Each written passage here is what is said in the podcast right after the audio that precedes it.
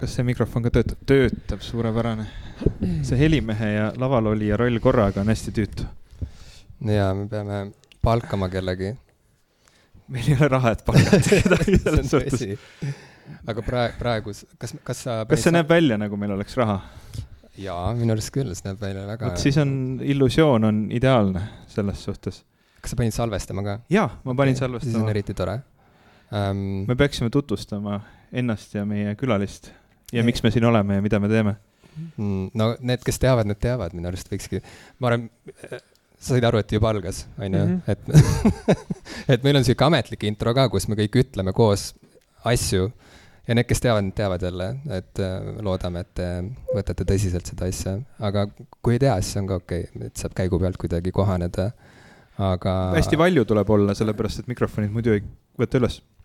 aga ma tean, et see ei ole eestlastele muidugi loomulik käitumine valju olla. Põhipõhjus, miks me siin oleme, seisneb selles, et kuus aastat tagasi me hakkasime Ivoga tegema popkulturiste.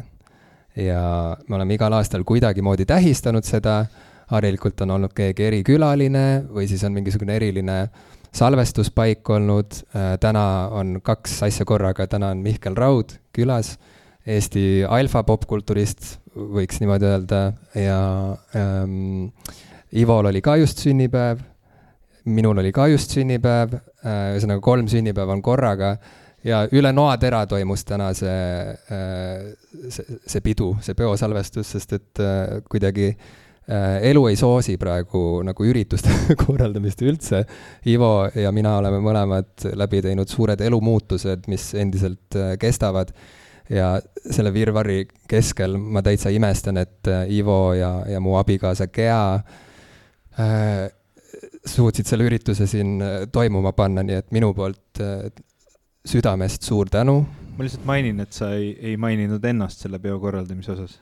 Jah, ma ei maininud ennast, sest ma ei, ma reaalselt ei teinud mitte midagi, ma Te, saatsin ühe emaili. teeme selle intro ära, siis me saame külalisega rääkima hakata, me ei pea meie jauramist enam kuulama. tere, minu nimi on Ivo Krustok. tere, mina olen Jim Asilevi. ja te kuulete saadet. oota, oota, oota, oota, sa jätsid Mihkli vahele. no aga me tutvustame teda pärast introt. ei, aga varem on olnud niimoodi, et külaline Vabandust. saab ka öelda, et on. tere, minu nimi on Ivo Krustok. tere, mina olen Jim Asilevi tere, mina olen Mihkel Raud. ja Te meie oleme. saadet. Aitäh um, nii, no jaa, peaaegu neli miinus äh,, aga, aga ikkagi neli, neli, neli miinus on tehniliselt neli um,. tere, Mihkel. jaa, tervist, aitäh kutsumast, väga tore uh,. kuidas su päev on läinud uh,? tänane tänane päev? tänane päev on olnud selline, et ma ärkasin Pärnus. sõin, tegin natuke trenni, siis sõitsin Tallinnasse, jalutasin koera, kuulasin natukene muusikat ja siis tulin siia, mitte päris täpselt selles järjekorras, aga, aga umbes niimoodi asjad juhtusid. Ähm, ma eeldan, et äh, see on su esimene kord kuulda saadet Popkulturistid ja mõtle, kui tore on alustada tutvust äh, uue saatega niimoodi, et sa ise teed selle saate heaks, nii et see on niisugune nagu igatpidi, et asi on, asi on sinu kontrolli all ja, ja osalt ka ikkagi sõltub sinust, et, et kui sul jääb halb mulje saatesarjast Popkulturistid, siis on osaliselt sinu süü. ma lihtsalt ütlen, aga peamiselt, peamiselt meie süü, osaliselt sinu süü hästi, no need olulised asjad on nüüd yeah. laualt maas yeah.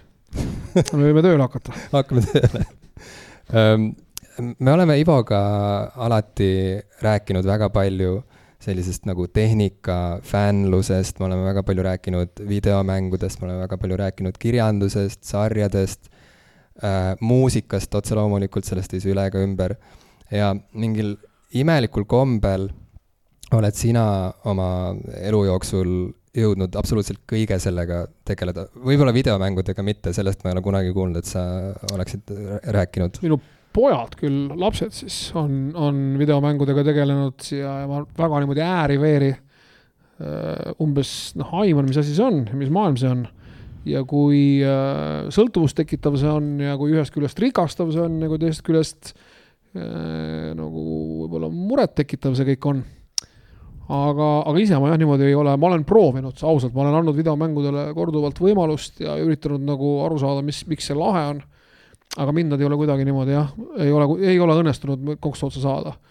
ma olen proovinud keerulisemaid mänge mängida, olen proovinud väga lihtsaid primitiivseid mänge mängida aga mingil põhjusel jah, see, see reaalsus mind kuidagi nagu ei ole kütkestanud. ma arvan, et see on väga hea, sellepärast et äh, ma loodan, et kuulajad panid tähele, mis juhtus. Jim üritas seda vestlust äh, viia videomängude peale, ilma et ta seda nii-öelda näiliselt oleks teinud. ma lihtsalt hakkasin juba kartma, et nii kui sa hakkasid mainima sõna videomängud, umbes pooled inimesed siit saalist tõuseksid püsti ja lähevad minema.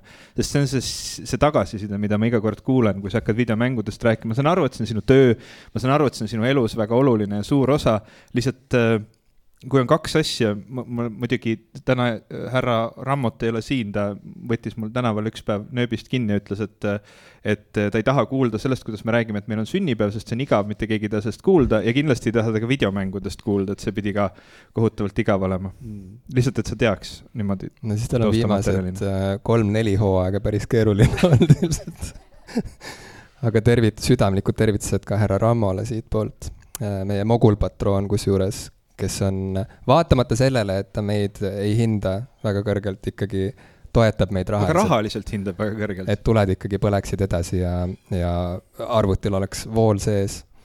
aga mm, tagasi Mihkli juurde, et mm, ma, ma, kunagi, kui ma hakkasin kirjutama, siis ma äh, tundsin nagu natuke mingit nagu segadust või, või võib-olla isegi ma ei tea, kas süüd, et, et, et miks ma nagu äh, siblin ühest kohast teise ja tegelen ka muude asjadega, sest et ühtlasi ma, mulle väga meeldis teater, ma käisin näiteringis ähm,, siis ma tegin juba lapsena televisioonis ka, see, ühesõnaga kõik need erinevad äh, valdkonnad nagu paelusid mind äh, üsna võrdsel määral tegelikult. ja siis ma mäletan, et ma lugesin, ma ei mäleta, kes seda ütles, aga keegi kuskil mingi, mingi täiskasvanud kultuuritegelane ütles, et et ega inimene tegelikult suudab korralikult teha ainult ühte asja, et need, kes siin siblivad siia-sinna, et nad on siuksed noh, et need on inimesed, kes tegelikult nagu ei jäta kuskile mingit nagu märki maha, et nad lihtsalt on siin ja seal ja see on kõik sihuke virvendamine. aga äh, sinu puhul on selge, et, et noh, et televaatajad äh, näevad sind unes äh,, muusikasõbrad on sinuga koos üles kasvanud praktiliselt ähm,. inimesed on teatris näinud sinu kirjutatud äh, näidendeid ähm,, inimesed loevad su raamatuid, sa oled purustanud rekordeid kirjanikuna äh,, müües tiraaže, mida viimati nähti Nõukogude Liidu ajal, kui avasid mingi suvalise, ma ei tea, Mati Undi raamatu ja siis seal taga oli kirjas, et kolmkümmend neli tuhat eksemplari mis nagu tänapäeva mõistes on täielik absurd, sest noh, kes ei tea, siis ma ei tea, luulekogu trükitakse võib-olla kolmsada eksemplari, kui keegi luuletaja annab välja luulekogu, noh, kui ta on niisugune populaarne luuletaja, siis võib-olla viissada.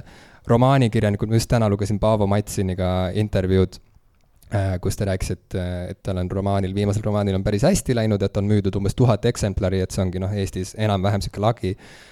sinu Musta pori näkku, mis tuli kaks tuhat kaheksa välja, müüdi mitukümmend tuhat, ma ei mäleta täpselt seda numbrit, sina kindlasti mäletad aga noh, müüdi nii palju, et paber sai otsa ja siis tuli furgoonidega seda juurde tarnida Eestisse, et et noh, et on selge, et sa oled nagu oma märgi maha jätnud mitmes erinevas valdkonnas ja, ja see ei ole mingisugune niisugune virvendamine, aga kuidas sa seda enda jaoks oled nagu, kuidas see võimalik on olnud? Mis on sinu äh,, mismoodi sa töötad, et sa igale poole jõuad ja et sa päriselt jõuad nagu panustada, nii et on panustatud? aga ega see ei võtagi tegelikult nii palju aega, kui võib-olla väljaspoolt vaadates, jaa, et sest tegelikult ei võtagi nii palju aega, kui väljaspoolt vaadates võib-olla tundub, et et kogu aeg siin ja seal ja aga, aga tegelikult, tegelikult mul on ikka veel üsna palju vaba aega ja niisugust molutamist ja ja, ja, ja see jõudmine ei ole võib-olla kunagi niisuguses noh, ajalises mõttes olnud kunagi nagu väga suureks probleemiks, viimane pool aastat küll olnud kohutavalt töine, ma olin isegi täitsa nagu väsinud siin suve lõpus, ma ma mäletan, et, et olin isegi nagu veidi nagu hädas sellega, et, et niisugust ringi sõitmist ja töötamist oli maru palju. aga üldiselt see niisugune noh, ei, ei ajalises mõttes ei ole see väga keeruline, see enda nagu erinevate asjade vahele, vahel jagamine. Nagu vaimselt kuidagi ma ei tea, no ma ikkagi pean seda kõike, noh, vot see oli väga õige tähelepanek, see vanem kultuuritegelane, et sa saad teha ainult ühte asja ja ja kui sa igal pool nagu mingeid erinevaid asju teed, et see on nagu mingi virvendamine, aga ma teengi ühte asja, ma olen meelelahutaja. ma lihtsalt lahutan meelt väga erinevates äh, vormides.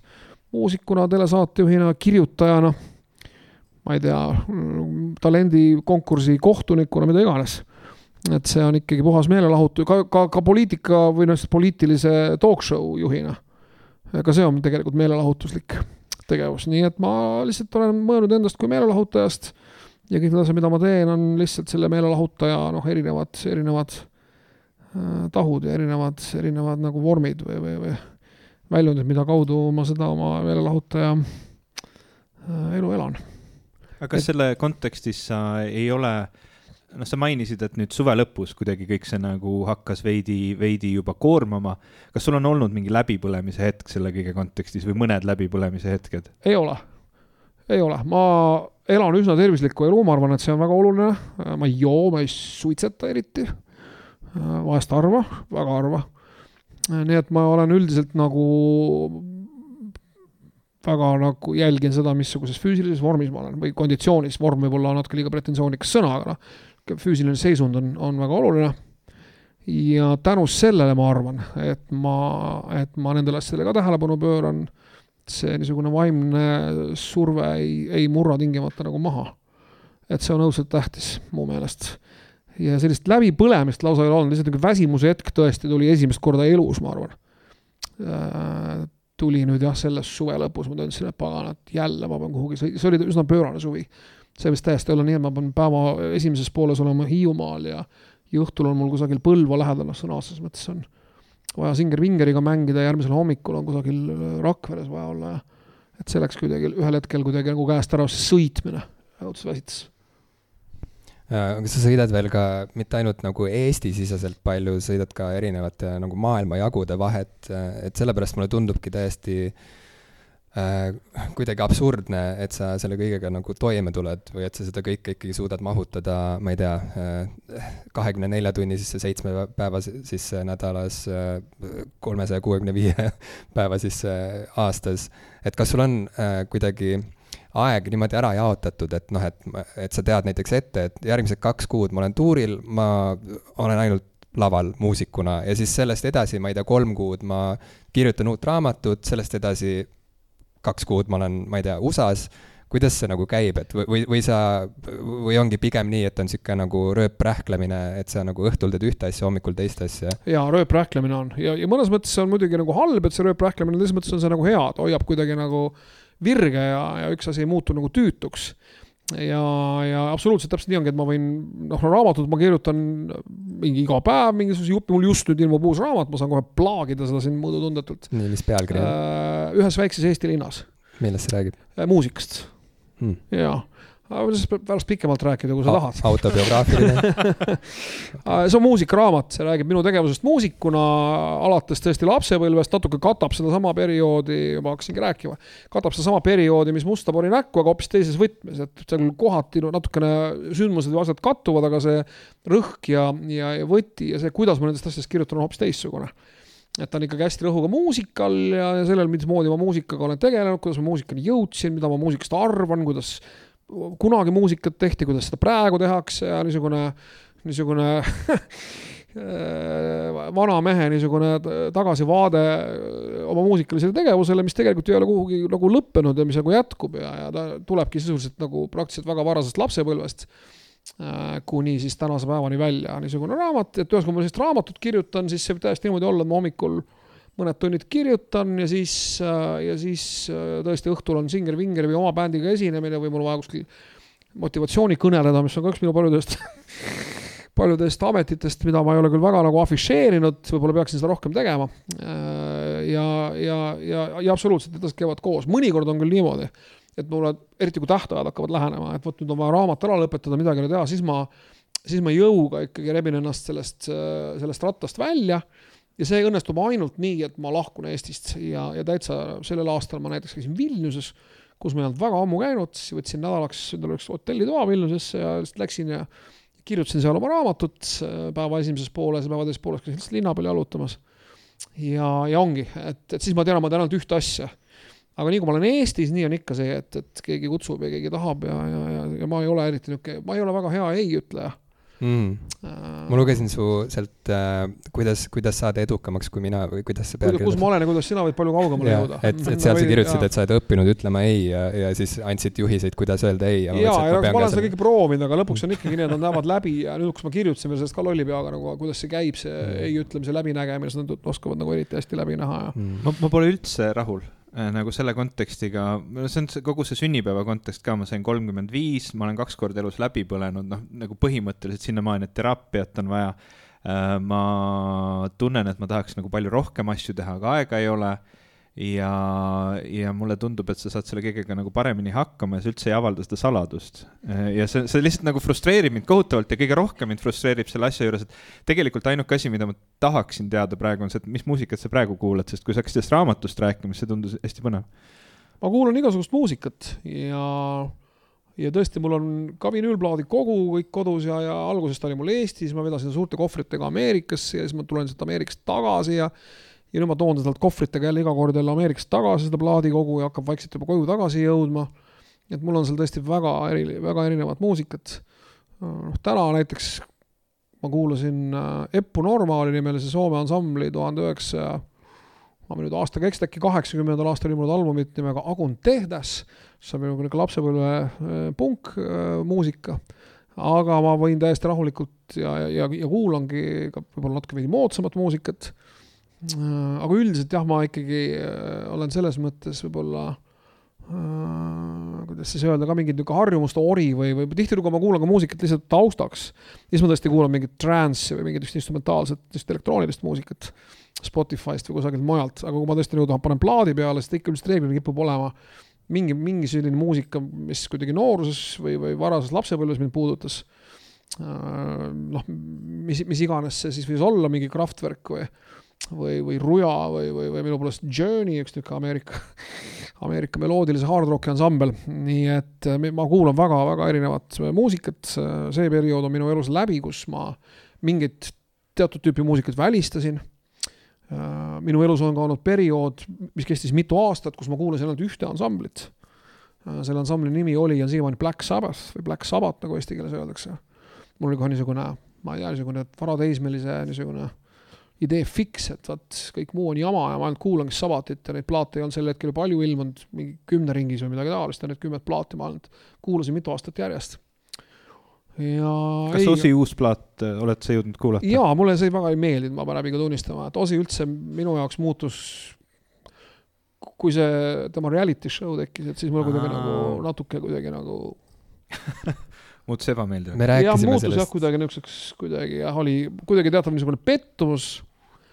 Aga no ma ei vaadanud ju seda, seda ju, seda võis, võib-olla seda oli võimalik vaadata, aga ma ei, väga ei vaadanud seda, aga lihtsalt see kuidagi oli ikka naeruväärne ja ja kuidagi kurb ja plaadid nagu läksid ka järjest kehvemaks ja ma seda uut üritasin kuulata, aga väga kaugele ei jõudnud. Mm. et mulle see väga ei meeldinud, aga, aga see-eest ma kuulasin mõned päevad tagasi tema varasemaid plaate, Bark at the Moon näiteks, kaheksakümne kolmandal aastal ilmunud plaat, mis mulle väga meeldis ja meeldib siiamaani, nii et jaa ja me hiljuti rääkisime Ivoga sellest samast teemast äh, just sellest, kuidas, kui Osi tegi selle reality show või kui temast tehti see show, noh, tema loal kindlasti ja ja, ja, ja kogu tema pere loal tegelikult, et siis see oli nagu mingisugune murdepunkt, et sealt edasi äh, Osi oli nagu ma ei tea, läinud kuskile nagu teisele poole ära nagu, kust enam kunagi tagasi ei tulnudki. ja mul on üks hea sõber, äh, kes nagu sinagi on meeletu Sabbathi fänn olnud, ta on ise veel britt ka, nii et ta on nagu seal kohapeal nii-öelda seda kõike niimoodi endasse imenud ja ja tõesti üles kasvanud Sabbathit kuulates ja tohutu osi austaja ja ta, ta ise tundis isegi nagu sihukest äh, ma ei tea, kurbust või sihukest nagu sihukest sügavat nagu kaotustunnet seoses sellega, kuidas nagu see Osi nagu kuvand, aga mitte ainult kuvand, vaid kuidas ta ka ise nagu kuidagi ära nätsutati mingiks nagu teiseks sihukeseks olendiks äh, mingist hetkest alates ja see no just nagu sai alguse sellest reality show'st, mis teisest küljest jälle oli muidugi nagu teleajalooliselt väga oluline, sest et see ma ei tea, algatas mingisuguse täiesti uue niisuguse formaadi trendi mingis mõttes, ma ei tea, kas see oli kõige esimene näide sellisest formaadist, aga see oli kõige edukam vähemalt nagu omataoliste seas ja sealt edasi hakkas väga palju tulema niisuguseid jälgime staaride elusid tüüpi reality show sid ja noh, Kardashianide äh, seriaal jookseb tänaseni ja võib, võib ju selle juuri ka nagu leida sealt Osi äh, reality show'st. Aga, aga ikkagi see Ivo esimene küsimus, et mis, mis see saladus siis on ikkagi? aa, et kuidas jõuda? no siin on mitu asja, kõigepealt on hästi kriitiline ennast mitte liiga tõsiselt võtta, neid asju, mida sa teed, mitte nagu väga südamesse võtta, kui asjad nagu ei jookse või, või lähevad tuksi või need on lihtsalt asjad, mis noh, tulevad ja lähevad. Äh, ja teine asi ja ma, ma tean, kui tüütu, ma tulen selle juurde jälle tagasi ja, ja, ja kui seda tüütu on, seda jõledat kuulata, aga see ikkagi see enda, see füüsilise keha nagu või selle füüsilise kasti nagu korras hoida on ikkagi väga-väga oluline et see ikka tohutult aitab ja, ja ma jõudsin selle arusaamiseni, et ma pean ennast hakkama kuidagi nagu füüsiliselt äh, nagu noh, et ma pean oma, oma füüsilise kehaga midagi ette võtma no,. kusagil neljakümnendaks, neljakümneseks saades umbes ma tegelesin paari asjaga. aga nüüd niimoodi intensiivsemalt ma olen võib-olla mõned aastad äh, sellega tegelenud. Ja sellest tekib teatav niisugune sõltuvus muidugi ühest küljest et nii kui sa jätad järele, neil läheb väga kiiresti enesetunne väga halvaks äh,. aga, aga jällegi see niisugune laks, see niisugune elujõud või, või see niisugune noh, see on jälle tüütu, eks ole, see terves kehas terve vaim, aga see on noh, tõsi ja ja, ja, ja see on väga-väga oluline, et see on hämmastav, kui, kui palju sa jaksad, kui sa, kui see, see kast, milles sa oma asju teed ja, ja nuputad ja läbi elad, on, on korras see on, see on väga oluline. see on uskumatu, kui palju see aitab ja ma olen eluaeg olnud sihuke spordipõlgur, ma ütleks lausa. ja ma ei suuda uskuda, et ma olen jõudnud punkti, kus ma nagu maksan selle eest, et käia kehalise kasvatuse tunnis võib-olla see on Covidi järelmõju, ma ei tea, et midagi ja. on juhtunud mu ajuga ei, see on, jaa, see on väga hea ja mul on täpselt sama, sama, sama häda. ja, ja ja, ja seda tasub kasvõi proovida, kui ei usu, et see võib-olla kõlab jah, tõesti, mis seal siis on aga seda tasub kasvõi proovida korra, et sihuke paari-kolme nädalaga tegelikult hakkavad toimuma ja mitte niivõrd kehas, kehast niikuinii, aga just nagu peas äh, muudatused, mis äh,, mis on väga positiivsed. Ja see on naljakas kokkusattumus, aga meil on sama treener. jaa, Gert Koovit. Gert Koovit äh, parim treener, soovitame. teatud mõttes see on hästi naljakas, sellepärast et äh, mingis mõttes võib öelda, et sa oled äh, inspireerinud meie äh, viimase aja liikumisharjumuste olulist muutumist, kuigi mm. eks neid inspiratsioone võib teisigi olla, aga mingi hetk Jim tuli minu juurde rääkima, et ta on nüüd otsustanud võtta omale eratreeneri ja hästi oluline kogu selle loo juures see, see keskne fookus, mille ümber kogu see lugu keerles, oli see, et see on sama eratreener, mis, mis Mihkel Raual yeah. ja, ja noh, kuna kuna inimene jõuab, tundub väga edukas ja, ja hästi nagu hakkama saav, siis, siis see tõesti tundus nagu see fookus, mille ümber see, see vestlus üles ehitada ja ega ma ei saanud ju, ju alla jääda selle mõttega, et nüüd Jim käib trennis ja, ja mina ei käi, nii et ma siis, siis otsustasin samamoodi, me viimane kord sellest hästi pikalt rääkisime, ma ei tea, kui väga see kedagi enam huvitab, kui väga see üldse eelmine kordki kedagi huvitas, aga aga, aga tõesti, me nüüd, äh, tähendab, kui me, me panime need oma kellad sünkrooni, et me näeme, kuidas teineteise liikumine toimub. Jim teeb ikka palju vähem trenni kui mina, ma lihtsalt igaks juhuks nagu mainin selle ära, ma näen igapäevaselt seda, kui, kui vähe sa liigud tegelikult, sa peaksid selle peale mõtlema. kas, kas keegi ka sinu kella jälgib või, või sa see on tegelikult hea, ei minu kella keegi ei jälgi, kuigi jah, see võimalus on olemas, et sa jagad oma datat või seda informatsiooni, kui palju sa treenid ja palju sa kaloreid põletad ja nii edasi kellegi teisega ja võistled. Äh, mina seda ei tee, kuigi see ei ole nagu üldse paha jah, niisugune, niisugune kupp ja, kupp ja värk, et eks ole, kubjas on seljas, aga, aga pers sama personaaltreener tegelikult on inimene, kes sind jälgib.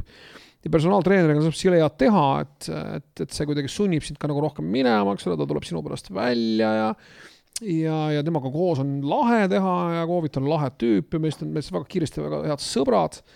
ja, ja ma vahepeal proovisin ka ilma temata teha, mitte et ma olingi kusagil, kusagil jälle kirjutamas Stockholmis neli-viis päeva, jälle tegin niisuguse raamatu finiši hetk oli. ja siis ma tegin ilma temata trenni ja noh, sain muidugi kohe vigastuse äh, millega me nüüd, millega me nüüd tegeleme ja jaurame, nii et ka selles mõttes on hea teha, teha inimesega, kes, kes saab aru noh, asjadest ja kes kuidagi oskab sind jälgida. absoluutselt, ma arvan, et nagu võib-olla teine kord, kui ma Gerdi juures trennis käisin, siis ma hakkasin lihtsalt naerma mingi hetk, sest et ma, äh, ma sain aru, et äh, ma ilma temata ma, ma ei teeks oma käel ja jalal vahet, et ma, ma, ma, tõesti tean nii vähe inimese nagu lihasgruppidest, ma ei tea, liigestest, koormustest, ma reaalselt ei tea mitte midagi et ma, ma olen korra elus varem käinud jõusaalis ja ma lihtsalt tegin seal suvalisi asju mm. ja siis ma mõtlesin, et noh, et ju siis, kui ma nagu higistan, et siis ma olen nagu midagi teinud ja ju ma nagu noh, olen natuke nagu noh, ilusam ja nagu põkim äh, ostan omale spordijoogiga pärast,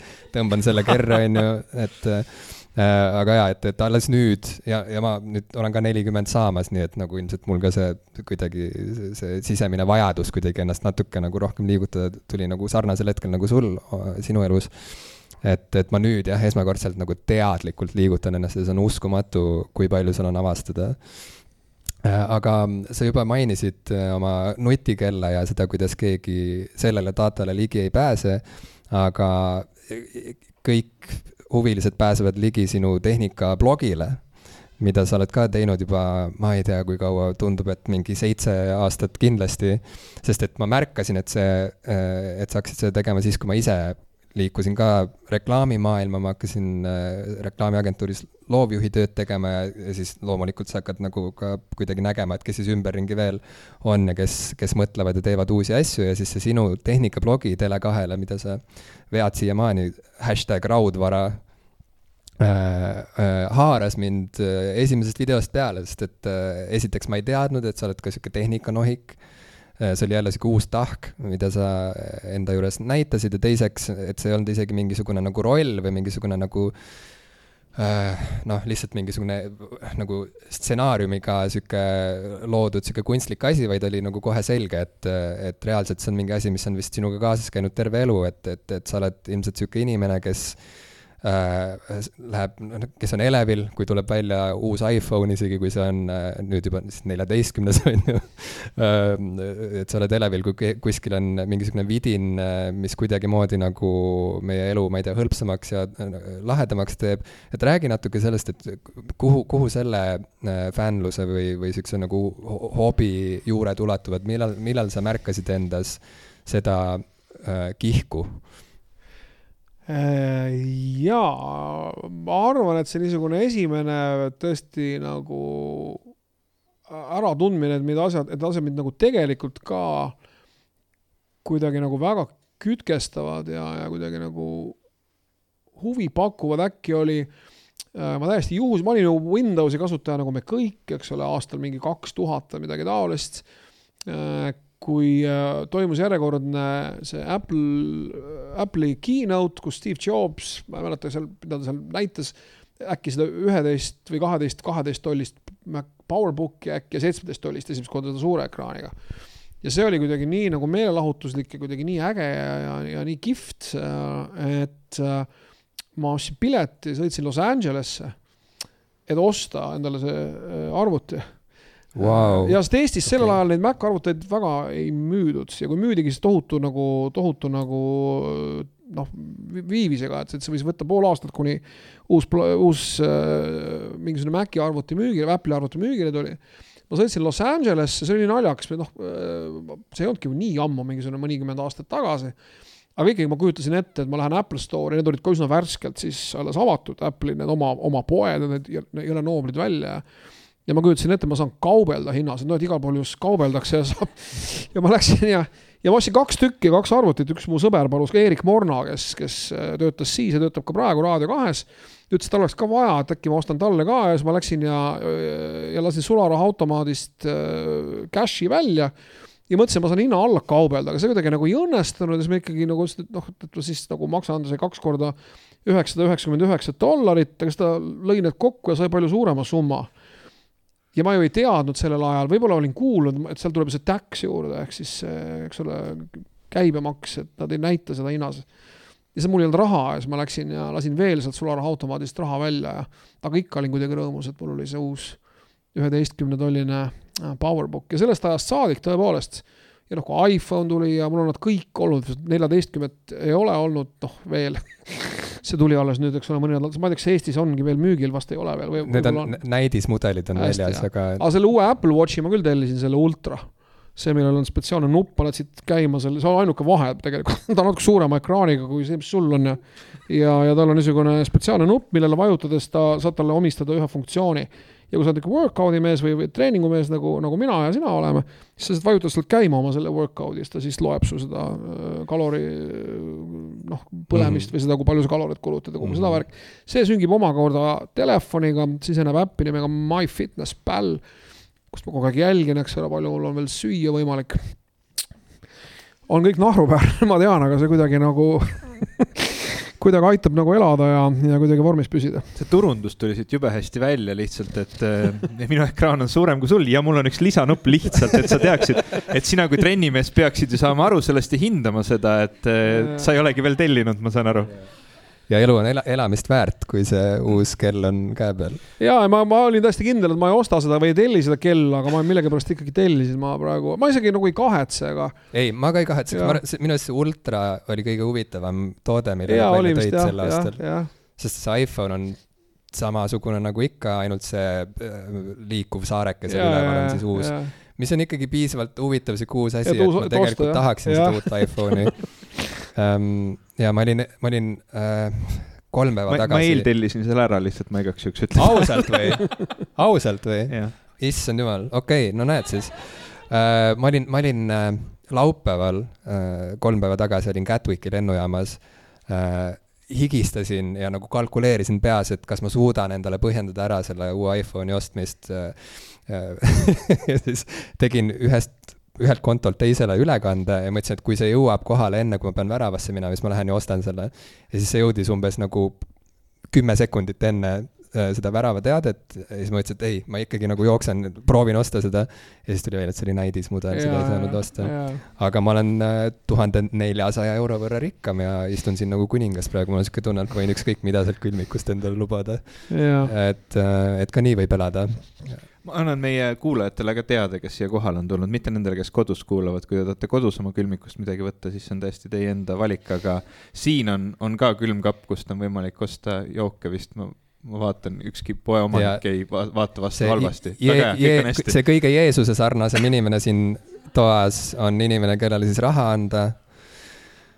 Et võib, ikkagi sünnipäev? võib anda raha ka ilma põhjuseta, et ei pea tingimata midagi külmikust võtma. aga jaa, tegu on ka plaadipoega, nii et enne lahkumist äh, haarake kaasa ka plaat, nii et te maksate selle eest ja kui teile eh, Mihkel Raua jutt sellest, kuidas eh, tervis on väga oluline ja alkoholi tarbimine ei, ei aita kaasa oma parima mina elamisele, siis ma saan aru, et seal on ka alkoholivabasid jooke, on ju? alkoholist ma ei ole rääkinud veel. räägime. kui sa soovid. muidugi. räägime meil, äh... meil on kõigil alkoholivabad joogid siin laua peal praegu aga kusjuures see kofeiin siin Äh, noh, mul on ja. nagu kofeiin on mulle nagu kohutavalt ohtlik, äh, see tekitab mul hästi palju lisaärevust, mu käed värisevad kohutavalt, praegu ei ole näha. ma olen praegu hästi rahulikus seisundis siin laval inimeste ees, aga see on juba, ma olen täna joonud äh, ühe Pepsi Maxi kaks tassi kofeiiniga teed ja see on siis nüüd järgmine kofeiiniga jook, nii et ma ei ole üldse heas seisus oma elus. Nende jookide sõltlane ja, ja üritan neid maha jätta ma olen nüüd juba peaaegu kaks nädalat joonud ainult vett ja kohvi, ma andsin niisuguse lubaduse, ma proovin vähemalt, ma olen Pepsi selle Maxi, ma ei tea, kas tohime sellest rääkida, aga ma olen Pepsi ja, Maxi sõltlane. eriti see, mis purgis on ja neid ei ole kuskilt saada. siis ma tellin Woldiga Rimist neid, tulebki mees ainult kolmkümmend, kolmkümmend purki jälle on nii-öelda kolmkümmend, kolmekümne purgi. kolme, no ma võin neid ka kuuekümne purgi kaupa tellida, aga. kas aga..., kas selle ühe aluse peal on kolmkümmend purki? ma ei tea, palju aluse peal on, ta toob mulle kile, sees paberkoti sees, tuleb kaks paberkotti täis on neid Pepsi Maxi purke. sest neid ei saa eriti kusagilt, neid pudelis on küll, aga mulle meeldib just see purk, ta on minu meelest hästi hea suurus, selle ühe purgi ma joon ära ja ma olen nagu tunnikeseks rahulik ja, ja, ja neid ei ole igal pool üldse saada ja seetõttu ma Woldi, Woldi kaudu, noh, ta ütleb mulle, kas need on või ei ole ja siis ma saan, saan tellida neid. suvel oli ilus aeg hetkeks, kus minu kodulähedane äh, Prisma müüs kofeiinivaba Pepsi Maxi. aga see ilus aeg on nüüdseks läbi ühesõnaga jaa, aga, aga ma, ma, tegelikult need on väga kahjulikud joogid. et ma olen natuke lugenud selle kohta ja sa võid ju arvata, et seal on null kalorit ja, ja küllap seal ongi null kalorit, aga seal on, on igast muud jama, et et aga, aga nad tekitavad sõltuvust ja ma olen noh, täiesti nagu äh, seda tüüpi, seda tüüpi jookide sõltlane kahjuks äh,. aga alkoholist äh, räägime siis, miks mitte, alkohol äh, Ivo ega minu elus nagu väga suurt rolli ei mängi, sest et me oleme liiga nõrgad olnud, et juua hmm.. sina jällegi inimesena, kes kõike jõuab, oled jõudnud juua täpselt nii palju, kui sa oled tahtnud ja oled jõudnud ka selle maha jätta, ühesõnaga jällegi nagu sihuke näide sellest, kuidas übermensch ja siis nagu hari-, harilikud poisid. et, äh, et, et ma ei tea, kui sa saad kergitada saladuse loori, siis et ta ei anna et, täna et, väga et, palju siukseid selge, ei, tegelikult oli, see oli see vaim, vaimne tervis on väga oluline, füüsilise tervise, see on tegelikult väga oluline punkt. no et, et sinu ähm, võitlusest alkoholismiga on lugejad saanud tegelikult lugeda väga põhjalikult äh, ka su raamatutest, Musta pori näkku äh, väga ilustamata nagu kirjeldas äh, Äh, seda, kui lõbus see kõik võib olla, aga ka, et kui põrgulik see võib kõik olla ja, ja, ja selles mõttes need, kes on lugenud, need juba teavad, et me ei pea nagu seda kõike uuesti üle rääkima, et ostke raamat, neid leidub Eestis päris palju, rohkem kui piiblit ma arvan, praeguse seisuga.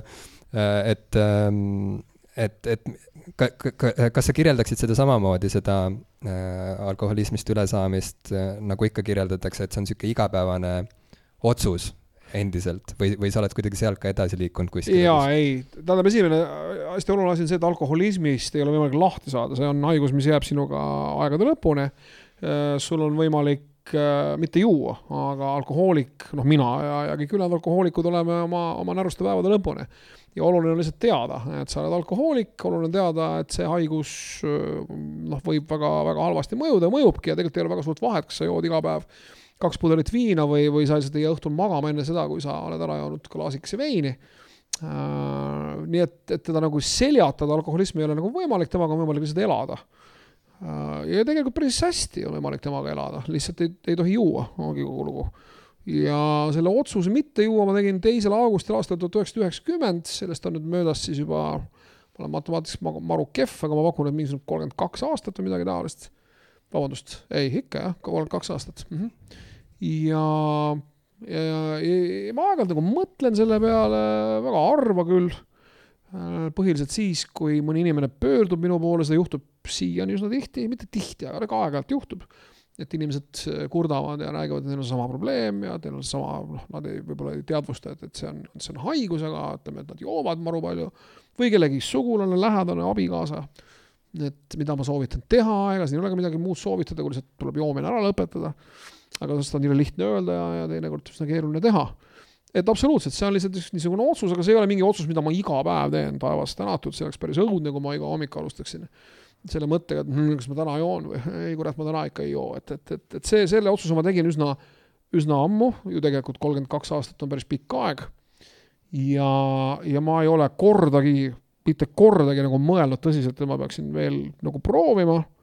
ma tean, millega see lõpeb mida pikem on see vahe, kui sa äh, nii-öelda see, see vahe, mille sa hoiad, mida, mida, mida pikem, pikema aja jooksul sa ei ole joonud, seda, seda räigem on alkohooliku jaoks see uuesti tulek. me teame seda kahjuks ka meie enda kultuuriloost ja, ja, ja ka, ja ka mujalt maailmast, et need, need äh, lõpevad väga kehvasti, need, need, need asjad nii et, äh, et ma tean, et sellel hetkel, kui, äh, kui ma võtan klaasikese veini või minu poolest õlut, okei okay,, poole aastaga on, on, on mäng, mäng läbi. ja, ja ma ei mõtle selle peale kogu aeg, ma lihtsalt tean seda.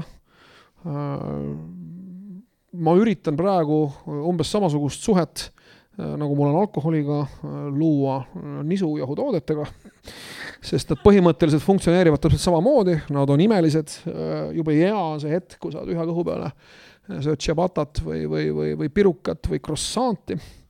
ja, ja pärast on kohutavalt halb olla, kohutavalt halb on olla äh, Nad on võib-olla vähem ohtlikud, nad ei tekita su perele võib-olla võrdväärset, eks ole, tragöödiat. Jälle ta sööb croissant'i lapsed nutavad kolmkümmend croissant'i kotis tuleb koju jälle. jaa, kust sa tulid ja käisid jälle croissant'e söömas. rusikaga vastu vahtimist, kui julgeb midagi kobiseda croissant'ide vastu. just. julgeb ampsu võtta. jah, jah. et, et, et, et nii hull, nii hull ta õnneks ei ole, aga ma lihtsalt olen nagu kogu aeg mõelnud, huvitav, kas, kas mul õnnestub, kas mul õnnestub, et miks, miks ei peaks et kui ma olen võimeline äh, toidupoes alkoholiletist täiesti külmalt mööda jalutama, absoluutselt, ma isegi ei tea, mida seal müüakse mis see maksab, mul ei ole absoluutselt õrna aimu. ja mõnikord nooremate inimestega rääkides, et noh, nad ei, nad ei usu oma kõrvu, ma, viimane õlu, mida meil oli Kuldne Oder, võib-olla, võib-olla mäletad, sina ikka mäletad, tead, selline õlu oli kunagi väga ammu. see oli viimane õlu, mida ma jõin, oli, oli Kuldne Oder ja ma arvan, et see oli halvem kui need praegused alkoholivabad õlled, ma arvan, et alk-, alkoholivabased õlled praegu on, on rohkem õlle maitsega. Aga, aga ma lähen tõesti sealt äh, viinaletist mööda ja, ja minus ei liigu ükski närv, et huvitav, kas mul on võimalik ka nagu pagari töökodade või nende noh, pagaripoodide või, või, või, või saiaosakondadega samasugune suhe luua. mulle väga meeldiks, kui oleks äh, ma proovin. no see on raskem, sest et äh, poed ongi ju niimoodi tehtud tänapäeval, et äh, sisse astudes kohe käiks su peast üle see sihuke küpse, küpseva saiakese lõhnapilv, on ju, ja siis äh, sa lähed niimoodi nagu, nagu nendes kuuekümnendate Looney Tunes multikutes niimoodi, see lõhnasõrmekesed niimoodi võtavad sul sõõrmetest kinni ja siis sa hõljud niimoodi selle äh, lõhnakäe järel sinna leti juurde Ähm, et see on keeruline, see on, alkoholilõhna sa ei tunne, kui sa poodi sisened, selle viinapudelit ei ole korke on, pealt. see on äh, keeruline jaa, see on keeruline, absoluutselt on keeruline. aga ei tea, kas äkki on tehtav, ma ei oska öelda. aga mis sa sellest arvad, et äh, sageli inimesed, kellel on kalduvus, äh, noh, kellel on nagu sõltuvuslikud kalduvused, ütleme nii Äh, nad kipuvad tegelikult äh, mitte nagu lahti saama või vabaks saama sõltuvusest, vaid nad kipuvad lihtsalt nagu ühe sõltuvuse asendama Asendama teisega, teisega., mis on võib-olla vähem kahjulik. oled nõus? absoluutselt, absoluutselt olen ja, ja noh, jällegi ta on, ta on, me rääkisime jälle spordi tegemises, kus see ka tegelikult tekitab teatavat sõltuvust. ja mitte isegi niivõrd seda, et sa ärkad hommikul üles ja, ja hakkad tõmblema, ma tahaks nagu minna jõusaali või. lihtsalt see efekt, see avaldub, see sinu enesetunde muutus avaldub jõle kiiresti, kui sa nädal aega või kaks nädalat ei käi. et siis sa saad aru, et sinuga on midagi pahasti, et see on täpselt samasugune sõltuvus aga noh, ta on kahtlemata tervislikum ja parem ja, ja, ja mõnusam sõltuvus kui, kui alkoholism või ma ei tea, ma ei tea, hasartmängusõltuvus või midagi taolist. kusjuures hasartmängudest ma mingil põhjusel ei ole hull, sõltuvus, see on, tõsi, ma olen lotosõltlane, ma mängin äh,, mängin loteriid ja aga, ma saan, ma tean, et ma ei võida, tähendab, see ei ole nii, et ma arvan, et ma võidan, ei, ei, ei. aga, aga sa oled elus võitnud. kuidas? sa oled elus võitnud aga mulle meeldib see mõttemäng, ma, ma ostan endale, jah, ma ostan endale, ma ostan endale, äh, ma ei tea, kümne euro eest äh, aga äkki tunda. ja see on hästi tore niisugune äh, tunne, millega, millega nagu mängida ja mõtiskleda ja mind ei, mind ei taba kuidagi depressioon, kui see siis ei õnnestu, eks ole. kas lotopilet maksab kümme eurot? sa võid ka kaks eurot maksta lotopileti no. eest ja seal on noh, sõltuvalt sellest, kui mitu välja, mis mängu sa mängid, võime sellest pikalt rääkida. kui mitu välja sa täidad ja, ja mis mängu sa mängid ja nii edasi kui ja... sa otsid nisutoodetele alternatiivi, ma lihtsalt igaks juhuks mainin, et Nii. kui sa taaskord Stockholmi satud mingil Nii. põhjusel äh,, Stockholmi vanalinnas on üks pagar äh,, kus on maailma kõige paremad Tatra muffinid ma ei usu seda, selles mõttes, et ta, nad võivad olla head, aga, aga nad ei asenda, ei asenda nisu, nisujahutooteid tooteid me oleme. ma tean kõik nagu, oo, need ei ole hea ja mine proovi, see on sama, sama, sama, ma väga vabandan, see vegan värk ei, ma, ma väga hindan seda, ma, ma õudselt tahaksin. aga kas sa oled vegan, vegan viinerit söönud? ja olen ja see ajab mu selles mõttes raevu, et miks on vaja viinerile panna, miks, miks on vaja vegan tootele panna nimeks viiner, ma ei saa sellest aru. ma käisin ühes restoranis äh, Burger. Chicagos, mis oli vegan restoran. jah, täpselt, vegan Ruuben mingisugune pagana võileib ja, ja miks neil peavad olema lihanimed nendel vegan toodetel, ma ei saa sellest aru mm. -hmm. see on niisugune kuidagi nagu sa eksid ära poest, sa ei saa aru, sa otsid viinerit, sa tahad vegan viinerit, aga sa ei tea, kui selle asja nimi on näiteks äh, intrauterin. ma lihtsalt otsisin esimese sõna, mis mulle ma, ma lihtsalt ütlen siia vahele, et Mihkel teaks, et me, üks, üks meie suurimaid otsinguid siin kuue aasta jooksul on olnud see, et oleks saates rohkem siukest särtsu ja konflikti. mulle tundub, et siit me võime selle leida, et, et Ivo, räägi veel ikkagi sellest, mis oli tat, see Tatra saiakese ei, see on alati see, et sa, oi, sa ei ole proov, see on sal, see salati jutt, ei no proovi on head salatid olemas, ei ole, ma tean, ma olen proovinud kõiki salateid, need ei ole head. tähendab, nad on okeid, aga nad ei asenda, no ma ei tea, kartuliputru või, või pastat või midagi taolist. Need on paremad ma saan aru, et, et nad on tervislikumad ja nii edasi, aga nad ei ole paremad. et seda juttu ei maksa ajada, et on kusagil mingi Tatra kukkel, mis on parem kui päriselt ma, ma täpsustan igaks juhuks üle et ma isegi ei öelnud, et ta on parem, sellepärast sa ütlesid, et see on maailma parim jah, Tatra muffin. nagu omataoliste seast on parim või? et see, see on nagu kategooria parim, mitte spetsiifiliselt, ei noh, selles suhtes. see on küll väga nagu, madal laip nagu, kust mu, üle hüpata mu ema on siin, kes, kes on mulle andnud kaasa selle, selle nii-öelda võime ja, ja soovi konstantselt saia kodus küpsetada, nii et ma, ma, ma väga hindan äh, nisujahutooteid ja, ja ma tõesti ei saa aru inimestest, kes räägivad, et nad ei taha, et, et toodetes oleks gluteeni sees, sellepärast et gluteen on kohutavalt kasulik ja hea ja tore ja maitsev ja, ja mõnus asi. ta on hea ja maitsev ja mõnus asi, aga ta ikkagi muudab su uniseks, ta paneb, mina näiteks ei saa. et kui ma söön saia, ma söön hästi palju ja eriti hull on see, et nüüd on tänapäeval hakatud ka Eestis, eks ole, sa lähed restorani, istud maha, sul on kõht ei ole tühi, nad toovad kohe, eks ole, mm. hunniku tšabatat, sa paned seda et saaks esimese värina välja, sa paned selle sisse ja siis ta tuleb, kas, kas ma toon veel? Muidugi. meil on oma tehtud sai, on väga just ahjust tulnud. muidugi too veel. Ja, ja, ja ilma naljata. Ja lõpuks, kui see esimene eelroog tuleb, eks ole äh,, mul kõht tegelikult täis juba sellest saiast. Ja, ja ma, ja ma, ja ma tõesti ei liialda, ma olen võimeline restoranis käies sööma ära neli-viis korvitäit äh, seda tšiabatat, mis nad, mis nad toovad ja pärast võib väga halb olla, tõesti väga halb olla. ja ma ei suuda piiri pidada, ma lihtsalt ei suuda. see eelroog jääb söömata, mis on ei salat jää, ei, ei, ei jää, ei, ei okay.. ma söön kõik ära, ma olen tellinud, ma olen maksnud, ma olen nõukogude aja inimene, mul, ma käisin Tallinna äh, lasteaias, mille nimi on Rõõmutalek siiamaani. ja seal oli äh, oli meil puhaste taldrikute ühing, selle juured pärinevad Vladimir Uljanovi lapsepõlve Äh, ja mina käisin nõukogude ajal lasteaias ja puhaste taldrikute ühik tähendas seda, et sa pidid sööma taldriku tühjaks. ja kui sa ei söönud, siis oli halvasti ja, ja minu aeg on ja, ja mul on täpselt samamoodi, et kui ma olen midagi tellinud, ma pean ära sööma selle. ma ei suuda jätta toitu ära. sama, Ivo, sul ei ole seda või? sa oled noorem, sa, sa, sa sündisid juba vabas, vabas Euroopas. ma ei käinud lasteaias. okei okay.. aga aga ei, toitu raisata mulle ka ei meeldi, mul tulevad kõik need kohutavad keskkonnastatistikad pähe iga kord, kui ma söön, kui ma mõtlen selle peale. ja eriti hullud on need bufeeined, et kui sa oled maksnud, eks ole, siis sa pead sööma nii kaua, kuni sul lihtsalt teist enam sisse ei lähe.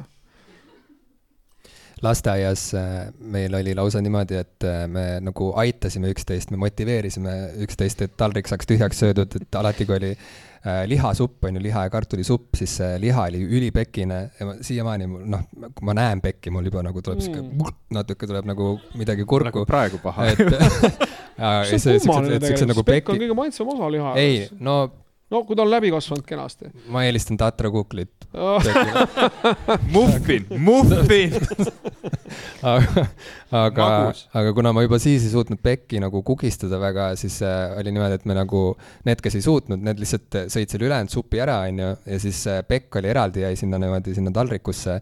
Ja siis võtsime niimoodi selle suure supilusikaga niimoodi korraliku supilusikatäie nagu pekikuubikuid, neid toppisime suu täis ja siis neelasime need alla niimoodi, et saaks taldriku tühjaks. aga noh, niimoodi, et oleks minimaalselt kontakti sellel pekikuubikul nagu keelega, et lihtsalt noh, lihtsalt nagu paned, paned nagu torust sisse nagu selle peki ka ja, ja siis on vegan tehtud. pekki on ka olemas või? selle nimi on vekk ma õpetan kohe, tahtsite näpunäiteid ja nippe ja need praktilise elu elamise häkke, et väga hea nipp on, kui sul mingi toit on ebameeldiv, tuleb nina kinni hoida sellel hetkel, kui sa sööd, tead, see ei tunne maitset päris ausalt, sa võid proovida kas või Coca-Cola, hoia ninast kinni, joo seda, sa ei tunne maitset, ma garanteerin sulle. ja see töötab nagu. ma kohe proovin. jaa, sa ei ole proovinud kunagi või? ma olen selle me-, me-, mehaanikaga tuttav, kuidas, kuidas see teoreetiliselt peaks toimuma, ma pole kunagi viitsinud nii palju vaeva näha, et nina kinni hoida. see ei ole väga suur vaev, mida sa näed kohe. Jaa. ja nüüd, kui sa nina lased lahti, siis tekib sulle maitse suhu. no vot pean tunnistama, et ei olnud niimoodi, ma tundsin Coca-Cola maitset ka seda nina kinni hoides. ja sa oled sõltlane, vaata sul käib aju teravus, sa, sa, sa tunned maitset sellepärast. sellele ma ei saa vastu vaielda mm. aga äh, uus teema ma olen sinult õppinud neid saatejuhtimise nippe, et sujuvad üleminekud on ka meie, meie tugevus uh,. uus teema uh,, miks mitte rääkida New Yorgist, mis on linn, kuhu ma olen terve elu tahtnud minna ja kus ma enda arust olen käinud tänu sellele, et ma olen lugenud Kaur Kenderi Ebanormaalset umbes, ma ei tea, kolm või neli korda. see on minu tutvus New Yorgiga aga, aga ma tean, et sa oled seal käinud päriselt äh, ja, ja et sul on selle linnaga eriline side äh, jällegi üllatusin kunagi aastaid tagasi, kui ma ilmselt Eesti Ekspressi avades jõudsin nende reisikuulutuste juurde, siis seal oli sihuke äh, pakkumine, et äh, New Yorgi tuur Mihkel Rauaga Ehm, kuidas, kuidas su esmatutvus New Yorgiga ku,, kuidas see käis? kuidas te tutvusite, mis sinuga seal New Yorgis juhtus, et sa, eh, et see linn nii oluliseks muutus su jaoks? Ja noh, aastatega see on muidugi selles mõttes, et need tegelikult on veel linnu ja ma võib-olla tegingi esimese kümne-viieteist aasta jooksul Ameerikaga selle vea, ma käisin New Yorgis ju, kui mujal ei läinud, aga kui ma teistesse linnadesse ka sattusin Äh, siis ma sain aru, et tegelikult äh, on, on, on Ameerikas terve hulk väga mingeid ja väga kihvte linnu. Nad on väga erilised, väga nagu erinevad kõik, et noh, võime esimesel pilgul võib tunduda, et Ameerika suurlinn, eks ole, keskel on need pilvelõhkujad ja ümberringi on, on mingi muu värk ja, ja noh, ta nii ongi. Aga, aga nad ikkagi on väga erinevad ja Chicago on, on tegelikult kõige kihvtim linn äh, Ameerika Ühendriikides minu meelest aga, aga New Yorki ma sattusin esimest korda, me käisime Singer Vingeriga mängimas, seal korraldati väliseestlastele, oli mingi Eesti kultuurifestival, mingi taoline sündmus, seda vist tehakse äkki siiamaani. see võis olla aastal tuhat üheksasada üheksakümmend kaheksa, ma tahaksin öelda. ja siis me mängisime seal, siis ma käisin esimest korda New Yorgis, noh, see kõik oli jälle lahe, jälle tore ja ja, ja noh, esimene asi muidugi, mida, mida noh, turistid, mina samamoodi, noh, viga, mida, mida tehakse, sa saad, oled seal kesklinnas, eks ole, pilvelõhkud, see ongi väga tore, aga aga tegelikult nagu kihvtid kohad on New Yorgis, on, on mujal.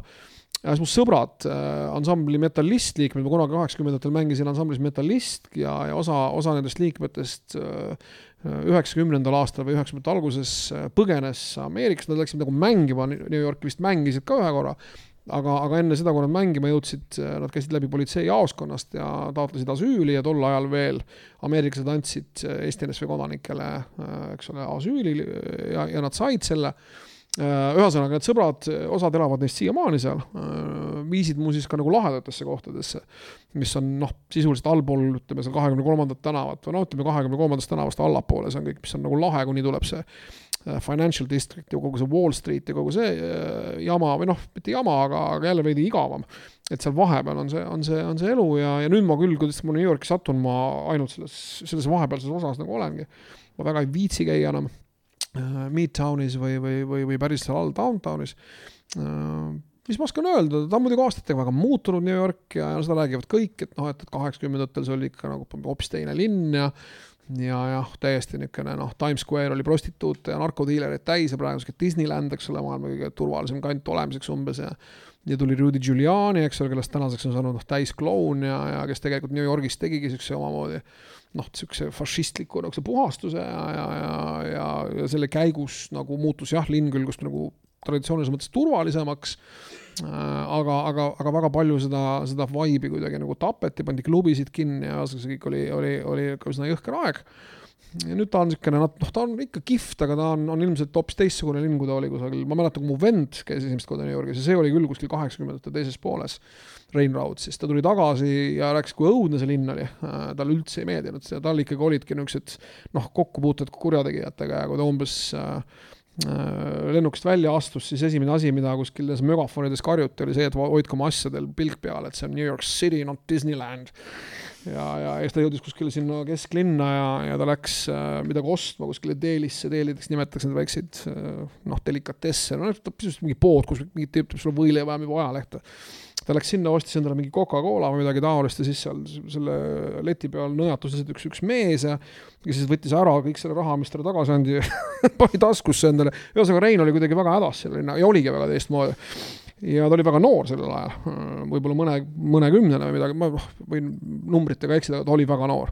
et talle üldse ei meeldinud ja ma tean inimesi, kellele siiamaani väga ei meeldi, seal on palju, rahvast ja kelle räpa on, eriti suvel, see kõik haiseb jõledalt. ja muide, New Yorgi haisemise põhjus on hästi-hästi proosaline. Miks Chicago ei haise suvel ja, ja New York City haiseb, põhjus on väga lihtne, Chicagos on nõndanimetatud alleywayd ehk maja taga on väikesed niisugused tänavakesed iga maja taga, kuhu siis prügi pannakse, New Yorgis neid ei ole ja prügi pannakse maja ette mistõttu kuumaga need prügikotid on kõik majad ees ja see läheb haisema, see on üsna võigas, kogu see, kogu see värk. Aga ta on muidugi kultuuriliselt väga põnev, väga huvitav ja, ja, ja muidugi ütleme, igav seal kindlasti ei hakka ja, ja ta on, kas elada ei ole seal võimalik, see on jälle kallis, eks ole. Kuigi San Francisco on vist veel kallim kogu see, kogu see Silicon Valley ümbrusega, aga noh, ta on, on muidugi väga põnev ja igal turistina niimoodi käies on, on, on väga lahe.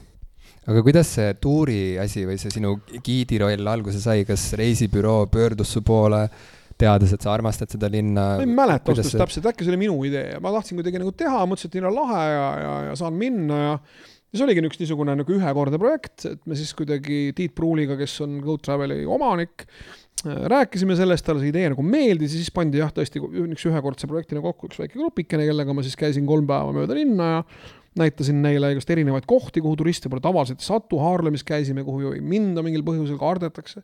kuigi tegelikult noh, see on ka muutunud aastatega väga turvaliseks, käisime Brighton Beachil, eks ole, mis on venelaste linnaosa, see on väga kaugel, tuleb metrooga sõita ka taha-taha sinna Coney Islandile ja sealt veel jala minna edasi ja, see on selles mõttes groteskne linnaosa, noh, võib-olla ma ei kujuta ette, mis seal praegu nagu toimub, eks ole, aga, aga, aga siis oli see niisugune noh, sisuliselt noh, oledki nagu Venemaale sattunud, su kõik sildid on vene keeles ja kõik, kõik nagu vene, vene värk.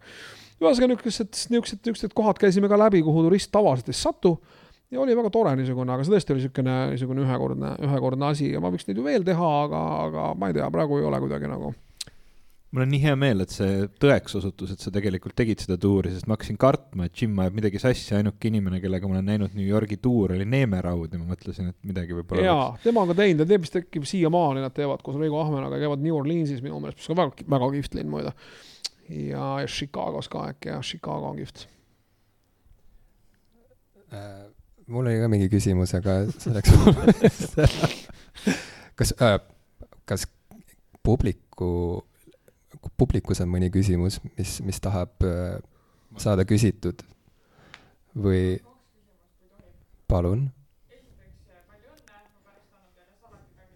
nii, sooviti palju õnne ja pärast saame kallistuse, salatitangide kallistuse ja küsimus on? ja küsimus oli, et kui ma varem käisin äh, äh ammu aega tagasi irooniliselt jõusaalis, siis kas nüüd käin surmtõsiselt, vastus on jah, surmtõsiselt kuigi Gerd Kovit on niivõrd karismaatiline ja tore inimene, et temaga on nagu, et see, see ei ole nagu sihuke morbiidne surmtõsine, see on sihuke nagu elujaatav surmtõsine, et äh, teeme nüüd trenni. ja alati, kui ta mu ära väsitab täiesti, ma olen seal siukse nagu äh, äh, te, teen oma viimaseid siukseid nagu hingetõmbeid seal põrandal kössitades, siis ta naerab. et meil on väga sihuke nagu sihuke male bonding nagu asi seal käimas ja, ja selles mõttes väga surmtõsine, aga sihuke muhe ma ei tea, kuidas Mihkliga on, et kas ta sind ka nagu piinab või teil on jaa nagu, siis... ikka, jaa mm, -hmm. ta on tõesti väga, väga nagu lõbus selle kõige juures ja, ja ma saan aru sellest äh, irooniliselt jõusaalis käimisest ja ausõna, ma ka kuidagi suhtusin äh, lihastreeningutesse ikkagi ka väga nagu, väga üleolevalt ja noh, ma olin täiesti veendunud, et seal lihtsalt tegeldakse nagu äh, noh, sellised lollakad, eks ole, teevad, noh, et neil mingit midagi muud ei ole, et nad teevad, äh, ajavad oma õlad jõle laiaks aga, aga see tegelikult ei ole nii, et, et lihastreening on no vähemalt minu vanuses ikkagi suhteliselt ainukene nagu tõeliselt nagu tõhus, tõhus treening ära hoidmaks muidu võib-olla vältimatuid protsesse, mis, mis, mis mehega kipuvad juhtuma, kui ta ei, ei hoia ennast vormis. Ei, ma üritan lihtsalt hästi lühidalt kokku võtta, aitäh selle küsimuse eest, ühesõnaga äh, publikus istub kirjanik, äh, üks, üks, üks paremaid äh, noori luuletajaid Eestis, ma ütleks, äh, ja, ja ta jõi hiljuti ennast purju esimest korda elus ja ütles, et kui kirjanikul on see enese kõrvaltnägemise võime nagu eriti, et see on talle eriti oluline ja et ta analüüsib ennast ja nagu näeb ennast kõrvalt kogu aeg, et siis nagu purjus olles äh, muu, muud nagu suurt muutust ei olnud, kui see, et gravitatsioon hakkas teistmoodi nagu tööle, aga et ei olnud nagu väga lõbus, et kuidas meil sellega lood on, kas ma võtsin kuidagi normaalselt seda, selle, lõbus oli ka, jah. nii ei saa kogu aeg teha. nojah, et see, et nii ei saa kogu aeg teha.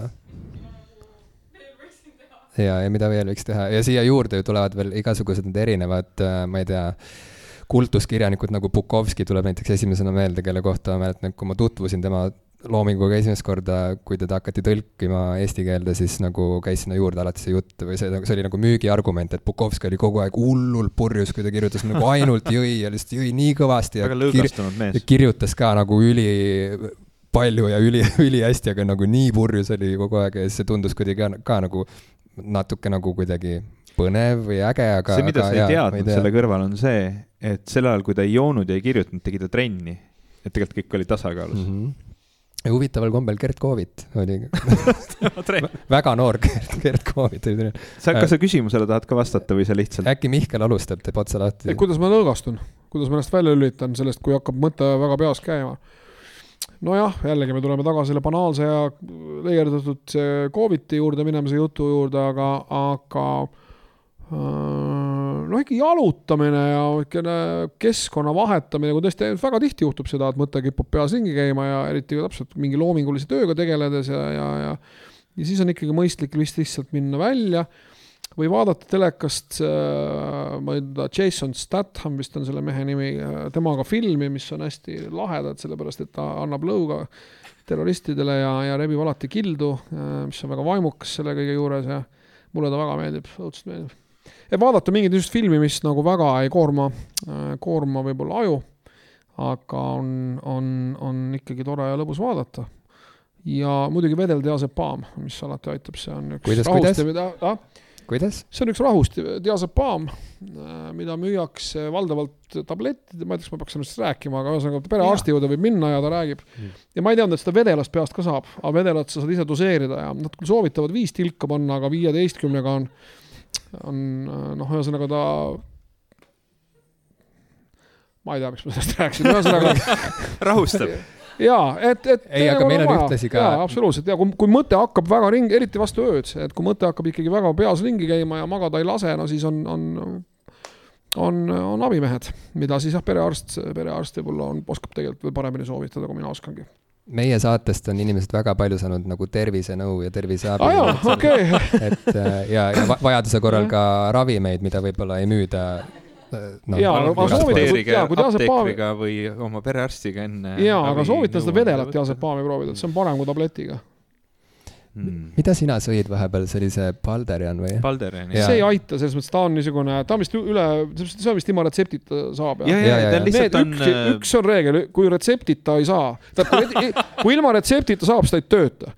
töötavad ainult need, mida saab retseptiga mm.. ta on lihtsalt mm. nagu selline, ma kujutan ette, et see töötab ja see töötab, see on nagu see Coca-Cola no maitse. täpselt jah, ta on nii-öelda platseebo, ühesõnaga yeah., aga muide Kambodžas, vabandust, jaa, Kambodžas müüakse vaalium ilma retseptita, see on täiesti uskumatu, sa lähed äh, apteeki ja ja vaalium ehk siis seesama diasepaam, kange, mitte kange, aga ikkagi rahust ja ilma, ilma retseptita saadaval ja ma läksin täitsa hulluks esimest korda.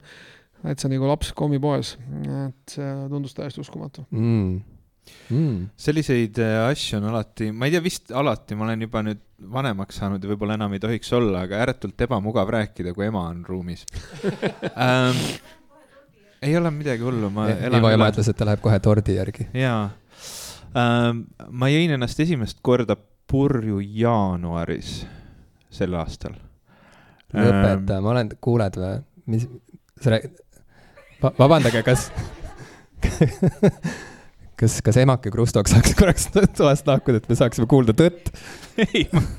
mida sa ma, räägid? no pur-, purjus on nagu, purjus, purjus selles kontekstis, et siis ma juba tundsin, et ma nagu otseselt ei kontrolli enam väga täpselt seda, mida ma räägin ja kuidas ma teen, ehk siis see oli mm, -hmm. kui mu sihuke, noh, ma võin tarbida kuskil viis kuni kuus ühikut alkoholi, ilma et ma tunneks, et see nagu väga-väga tugevalt mõjutab minu nagu toimimist, siis, siis ma tarbisin üle selle. ehk siis ma nagu tundsin, et noh, nagu see ehk siis mul oli esimest korda elus pärast seda, äh, esimest korda elus ma tundsin, et maailm pöörleb ringi, kui ma voodisse pikali viskasin. esimest korda elus mul oli pohmell järgmisel hommikul. Vau, okei. ja, ja. luuletaja publikus ütles sama ma, ma nõustun sellega, et see ei ole tõenäoliselt jätkusuutlik. ma olen ükskord seda veel nüüd pärast seda veel proovinud või noh, mitte proovinud, see tundus juhtuvat teist korda ka äh,, aga, aga see. kas see oli, oota, las ma katkestan, see oli niimoodi, et sa olid teel tööle ja siis sa komistasid äh,, kukkusid selili ja siis samal ajal üks purjus mees äh,, kes oli öö läbi joonud, tuli oma pläskuga nagu koperdas sulle otsa, kukkus sulle peale, sul oli suu ehmatusest lahti ja siis sealt pläskust voolas sulle alkoholi kurku. ma astusin korteripeo uksest sisse, ütlesin, palun, ma täna tahan ainult vett.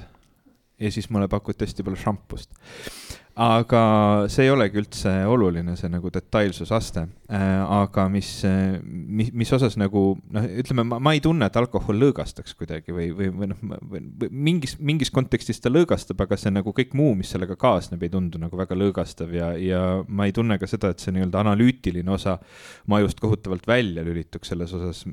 kui, kui vastata nagu päriselt sellele küsimusele, et mida siis teha, et, et seda nii-öelda ülemõtlemist kuidagi nagu kontrolli all hoida, siis äh, rahus boost'id kindlasti aitavad. ja trenn.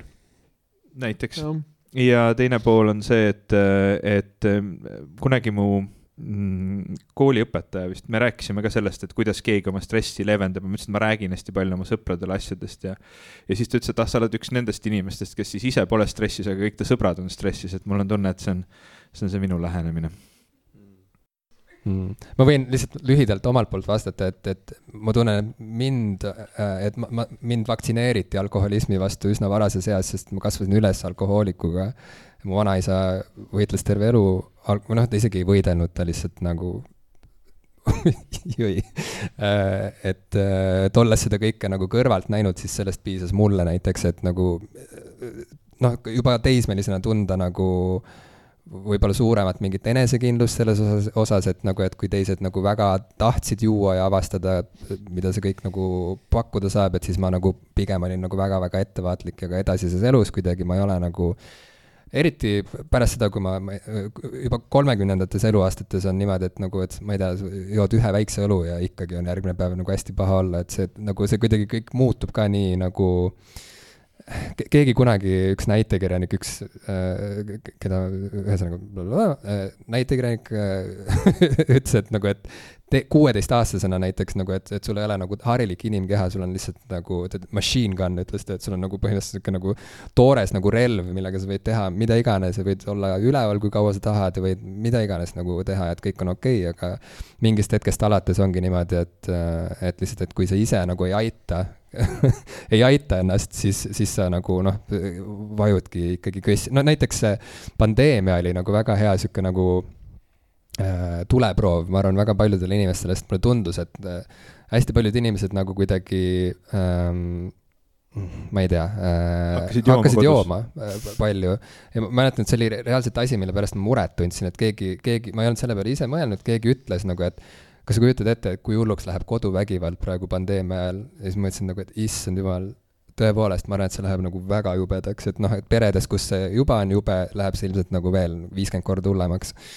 Et äh, et jah, ma ei tea, kas, kas pandeemia näiteks sind ka kuidagi ähm, proovile pani, kas sa olid tubli ja sõid vähem croissant'e ja tegid juba siis trenni kõvasti? vastupidi jah, et see oli see hetk, kus jälle läks ta väga käest ära ja noh, jälle niisugused, äh, ma olen selles mõttes niisugune äh, viimse päeva, viimse päeva mõtlemise inimene, et, et mul on alati, kas, läks, läks trumminguga pulgad nagu filosoofia ja pandeemiaga ilmnes see jälle väga, väga, väga, väga tugevalt, et, et kui trenni ei saanud teha, siis seda tuli kompenseerida noh, veel rohkemate croissantidega. ilma naljata ja, ja ma lihtsalt istusingi kodus, nagu me kõik tõenäoliselt, lasin aga Woldil koju tuua kraami ja sõin ja sõin ja sõin ja sõin ja ja alguses olid kõik väga distsiplineeritud ja isegi õues ei, esimene see laine või mis iganes see oli isegi õues ju keegi väga ei käinud, ei julenud käia ja eks ma istusin siis ka kodus päevad otsa ja, ja, ja sõin lihtsalt. ja läks asi väga käest ära absoluutselt, et jah, ei mõjus, noh, see on üks väike osa halvast mõjust.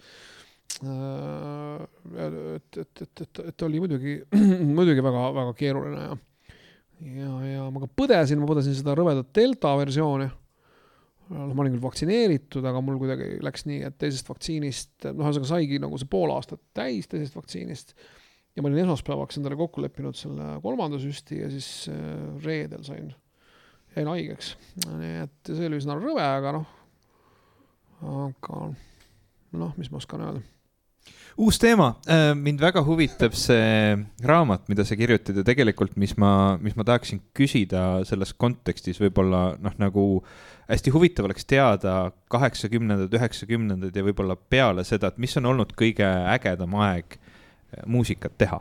Ol-, olla muusik, sest noh, ma mõtlen ka kõik need projektid on väga erinevad olnud äh,, alates seal Singer Vingerist või noh, ka nendest projektidest, mis olid enne seda, aga mul lihtsalt lapsepõlves on nii meeletult soe ja, ja, ja tihe side Singer Vingeriga ja, ja Mr Lawrence ka ütleme, tuli kuidagi sellise nagu täiesti teise kontekstiga Eesti, Eesti muusikamaastikule, kui see kui see kunagi toimib ja ma võin nagu anda siukse nagu täiesti puhtalt, puhtast südamest soovituse, et kui keegi tahab, keegi tahab kedagi vastassoost nii-öelda ära laulda või, või, või tekitada nagu sellist head sooja tunnet, võib alati Annabelli laulda, see on ääretult ilus laul. et, et kuidas see nagu erinevatel nagu kümnenditel või nendel erinevatel perioodidel tundunud on sulle? No väga erinev, sellepärast ma olen ju, kui ma olin äh, kaheksakümnendatel, kui mind Singer Vingerisse kutsuti, ma olin kuueteistaastane, ma käisin veel keskkoolis. Ja, ja see loomulikult äh, noh, oli hästi põnev ja hästi huvitav ja, ja siis oli kõik hoopis teistmoodi ja, ja noh, sellest ma oma selles uues raamatus ju kirjutan ka üksjagu ja, ja kuidas see, kuidas see noh, mängimine käis ja millised olid võimalused ja kuidas muusika tegemisse suhtuti ja kuidas see oli hoopis teistsugune ja ja kuidas see oli ka tegelikult nagu keerulisem, eks ole, sest et noh, oli Nõukogude Liit ja, ja rokkmuusika teatavasti oli ju noh, mitte lausa keelatud, seda võis ju mängida, aga noh, ikkagi erilise niisuguse tähelepanu all ja ja, ja teda peeti kuidagi süsteemile ohtlikuks ja see kuidagi eriti veel nagu mobiliseeris fänne ja see, selle võrra oli see asi nagu veel eriti nagu äge ja eriti see on niisugune underground, no sest noh, mingid bändid, kas seesama Ruja, millest me nagu põgusalt rääkisime, või Rock Hotel, või olid ju ikkagi nagu mainstream bändid, kuigi nad olid rokkbändid aga seal toimus ka mingi niisugune allhoovus ja ma arvan, et Turist või Singer Vinger oligi kusagil seal nagu piiri peal, et see oli küll väga populaarne ansambel, aga ega seda ka nagu raadios kogu aeg ei mängitud ja televiisoris ka nagu alalõpmata ei näidatud. ja mind kutsuti sinna mängima, ma olin kuueteistaastane, ma käisin, ma käisin koolis kümnendas klassis ja, ja, ja muidugi noh, see oli, oli väga huvitav ja põnev ja lahe, aga no üheksakümnendad oli jah, see, see muutus oli hästi radikaalne, hästi kiire hästi kuidagi nagu need ansamblid suures osas, mis olid kaheksakümnendatel väga suurt nagu publikumenu ja, ja rahva armastust äh, nautinud, ühtäkki avastasid, et nad ei huvita enam kedagi. ja sinna asemele tulid, eks ole, need uued äh, üheksakümnendate bändid, noh, Too Quick Start ja ja Jam ja näiteks tantsuansamblid ja, ja, ja, ja oli ka mingeid rokkbände, vennaskonna suur, eks ole, tulek üheksakümnendate alguses. Äh, ühesõnaga, see kõik muutus hästi-hästi kiiresti ja Kraps, kes võib-olla veel kaheksakümnendate lõpus, eks ole, oli, oli veel täiesti niisuguse jumala staatuses, oli sunnitud mängima kusagil äh, laeva peal, eks ole, diskorina mingit muusikat, mis talle endale ei meeldinud, sisuliselt suri täielikus vaesuses äh,. ja Singer Vinger hämmastaval kombel oli üks väheseid bände, mis selle nagu kataklüsmi kuidagi nagu kenasti läbis ja üle elas või et me olime väga moes ja popid kaheksakümnendatel aastatel, aga üheksakümnendatel noh, me ei olnud mingi number üks bänd, aga meil oli vähemalt nagu mänge ja ja, ja, ja inimesed ikkagi käisid meid ka kuulamas ja vaatamas. ja, ja minu bänd jah, Mr Lawrence oli üheksakümnendatel aastatel äh, noh, ka mu enda jaoks muidugi oluline ja tähtis projekt ja ja, ja kogu see üheksakümnendate aastate niisugune noh, tohutu niisugune läbilöögi iha, eks ole, ta ju nagu kanaliseerus erinevatesse kohtadesse, ma mõtlen nagu ühiskonna läbilöögi iha, eks ole, ühiskonnana me tahtsime noh, terve riik või, või terve Eesti ühiskond, noh, me olime ühtäkki vabad ja me olime elanud ju selles ulmas kogu aeg, et me oleme nagu Nõukogude Liidu kõige tublimad ja nii et lääs on oodanud nagu kogu aeg, eks ole, kannatamatult, millal raudne eesriie kokku kukub ja millal siis eestlased, eks ole, tulevad ja toovad oma imelisi asju. Ja rokkbändid ju mõtlesid samamoodi me olime kindlad, et läänes oodatakse meid ja, ja, ja, ja, seetõttu ka üheksakümnendatel aastatel väga paljud bändid laulsid inglise keeles, minu oma sealhulgas. ja isegi need, mis eesti keeles laulsid, olid inglisekeelsed nimed, eks ole. jaa, just, just. Two Quick Stars või Smilers või mis see oli, Hover Recovery oli üks, üks head ansambel mida iganes see tähendab ja, ja, ja see niisugune läbilöögi, see niisugune kollektiivne ootus, et Eesti nagu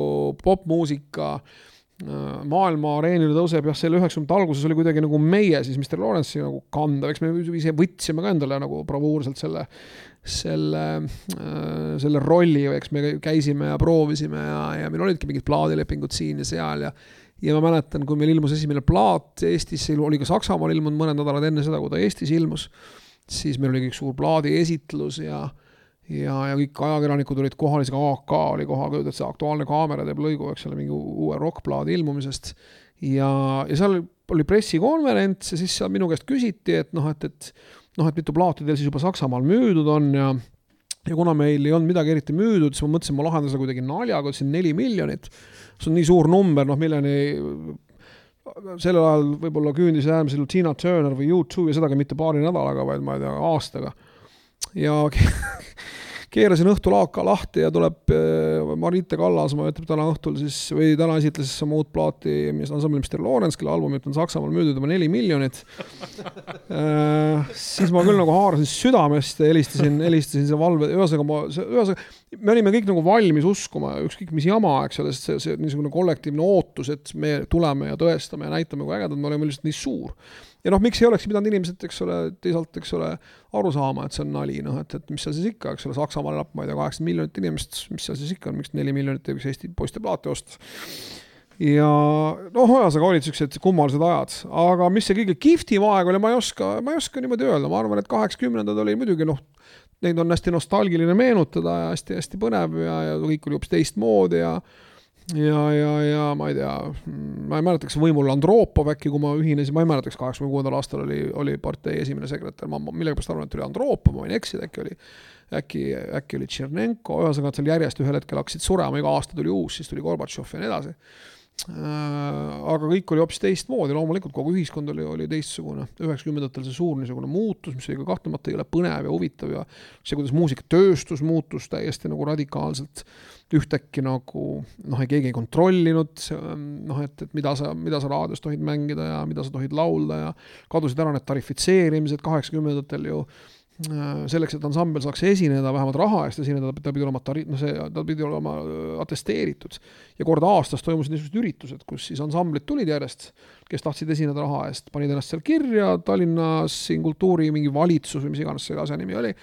Ja siis oli komisjon ja seal istus alati Felix Mandre, üks toonane helilooja Äh, ja üks, äh, üks mingi partei, ühesõnaga mingid kolm-neli inimest ja siis järjest ansamblid esinesid neile ja siis see komisjon andis ansamblitele äh, noh, et mingi kategooria ja selle kategooria järgi sa siis tohtisid võtta oma esinemise eest raha, no mingi niisugune jamps oli.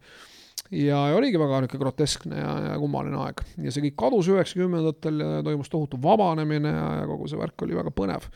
Aga eks nad olid kõik omamoodi huvitavad ajad, eks see on praegu ka noh, niisugune vana inimesena targutada ja ja, ja vaadata ja rääkida, kuidas kõik oli vanasti palju lahedam kui praegu ju.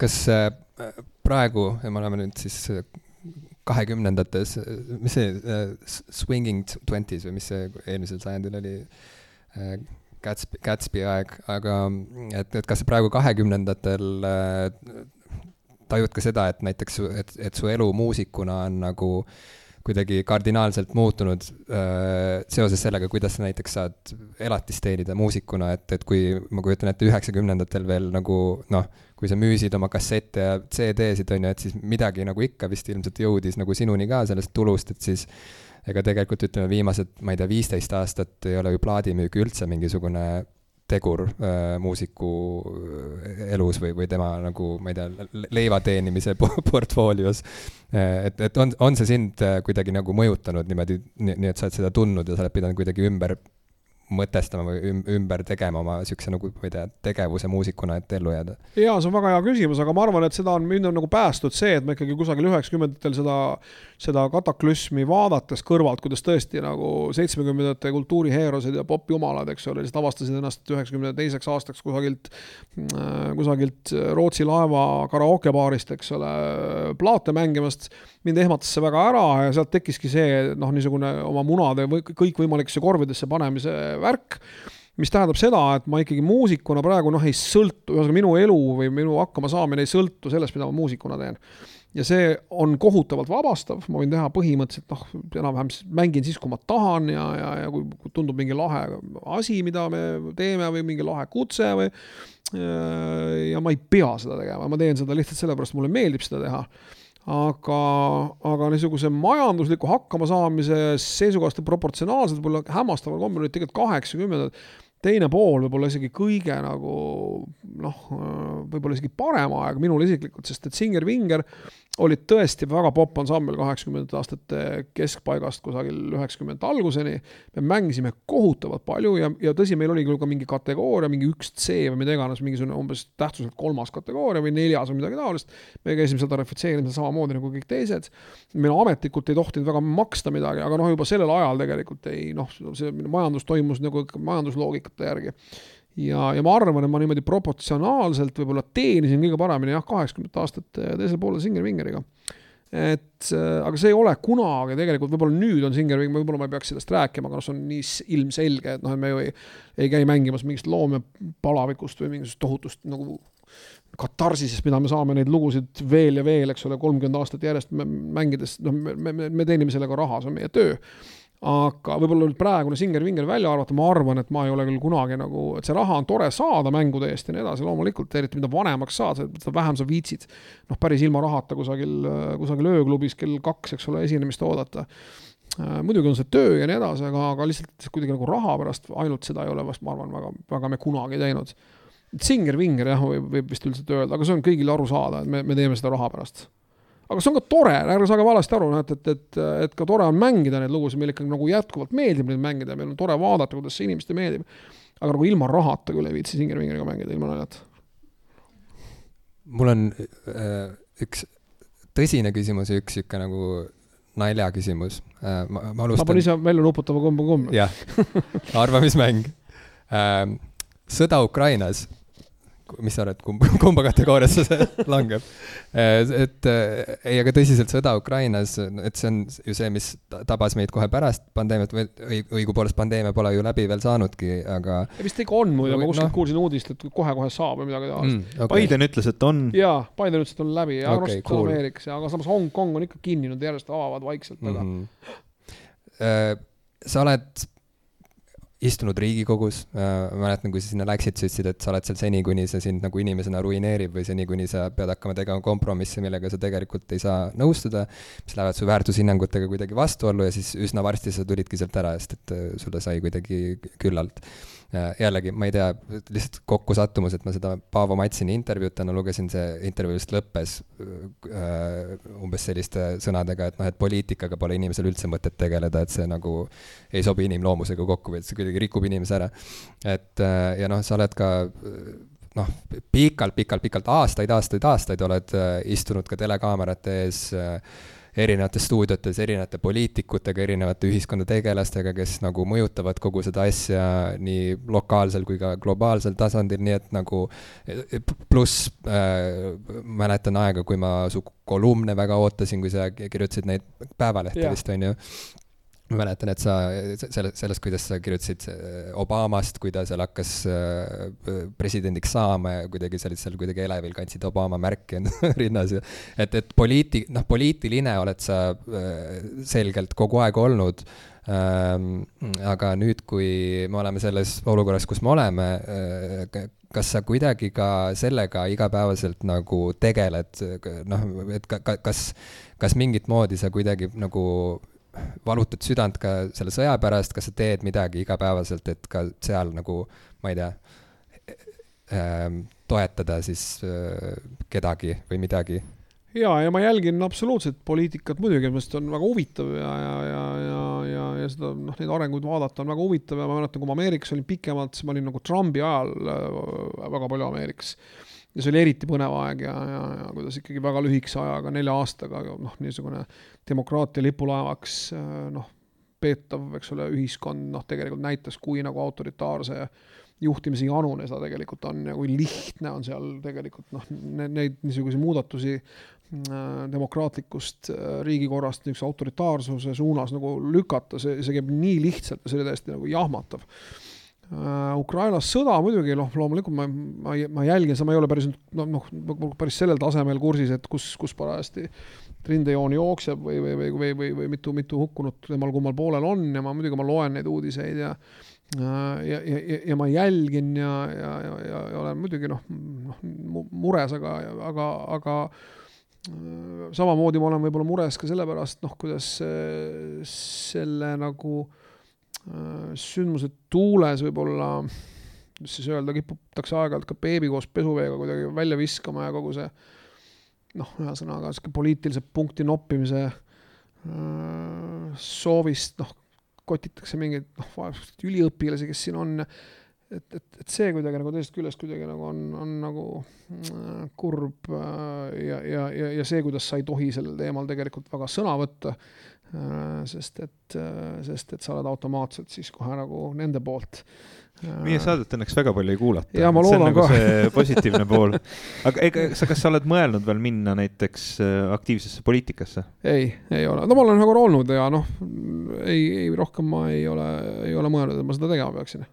kas sa äh ma ei tea, kaitseväe õppustele ei ole tahtnud minna, nagu siin äh, paljud on kuidagi noh, ärganud, isegi mina, ma, ma elasin Inglismaal, kui see sõda, sõja teine vaatus, ütleme siis nii, algas kahekümne neljandal veebruaril ja, ja, ja esimest korda elus jällegi ma pole äh, äh, sõja, sõja, sõjaväes on niisugune lastesõna, mis see õige sõna on? kaitseväes. kaitsevägi, jah. kaitseväes ei ole käinud, aga, aga nüüd siis oma neljakümnenda eluaasta äh, serva peal kuidagi tundsin, et võib-olla tegelikult oleks hea, kui ma oskaks, ma ei tea, kakskümmend neli tundi metsas ellu jääda, ma ise, ma ei tea, noh, püssi kasutada, on ju, nii et, nii et ma ei tulista iseendale jalga või, või pähe, et, ähm, et sul ka seda äh, mõtet pole peast läbi käinud, et läheks ja treeniks kuskil metsas meestega? mul on võib-olla see mõte käinud peast läbi, aga, aga noh, ma olen kuidagi nagu, ta on noh, ma väga vabandan, ta on, on vähemalt siiamaani ka nagu mõttetasemele ainult jäänud. ma ei arva, et see, et see on halb mõte, ma kindlasti nagu, ma arvan, et see on nagu noh, vajalik, eks ole, ja, ja, ja, ja noh, ma väga loodan, et et äh, ka minu hea sõber Märt Avandi ei pea, eks ole, reaalselt lahingusse nagu kunagi minema, ma loodan, et selleni see asi ei lähe ja, vast, vast ei lähegi. Äh, aga, aga ma nagu ise jah, ei ole, ju see olukord ei ole siis veel, ma ei tea, siis ma pean nii sõnu valima äh, ühesõnaga jah, ma ei ole, ei ole, ei ole Kaitseliidu liige ja ma ei ole käinud, ei ole käinud metsas harjutamas, aga ma, ma, ma väga nagu ja päris ausalt, mitte lihtsalt sellepärast, et ma pean niimoodi ütlema, ma väga, väga saan aru tüüpidest, kes seda selle sõja puhkedes otsustasid teha äh,. Itaalias fašistide poolt või vastu? et kas ma olen fašistide poolt yeah.? no spetsiifiliselt Itaalias.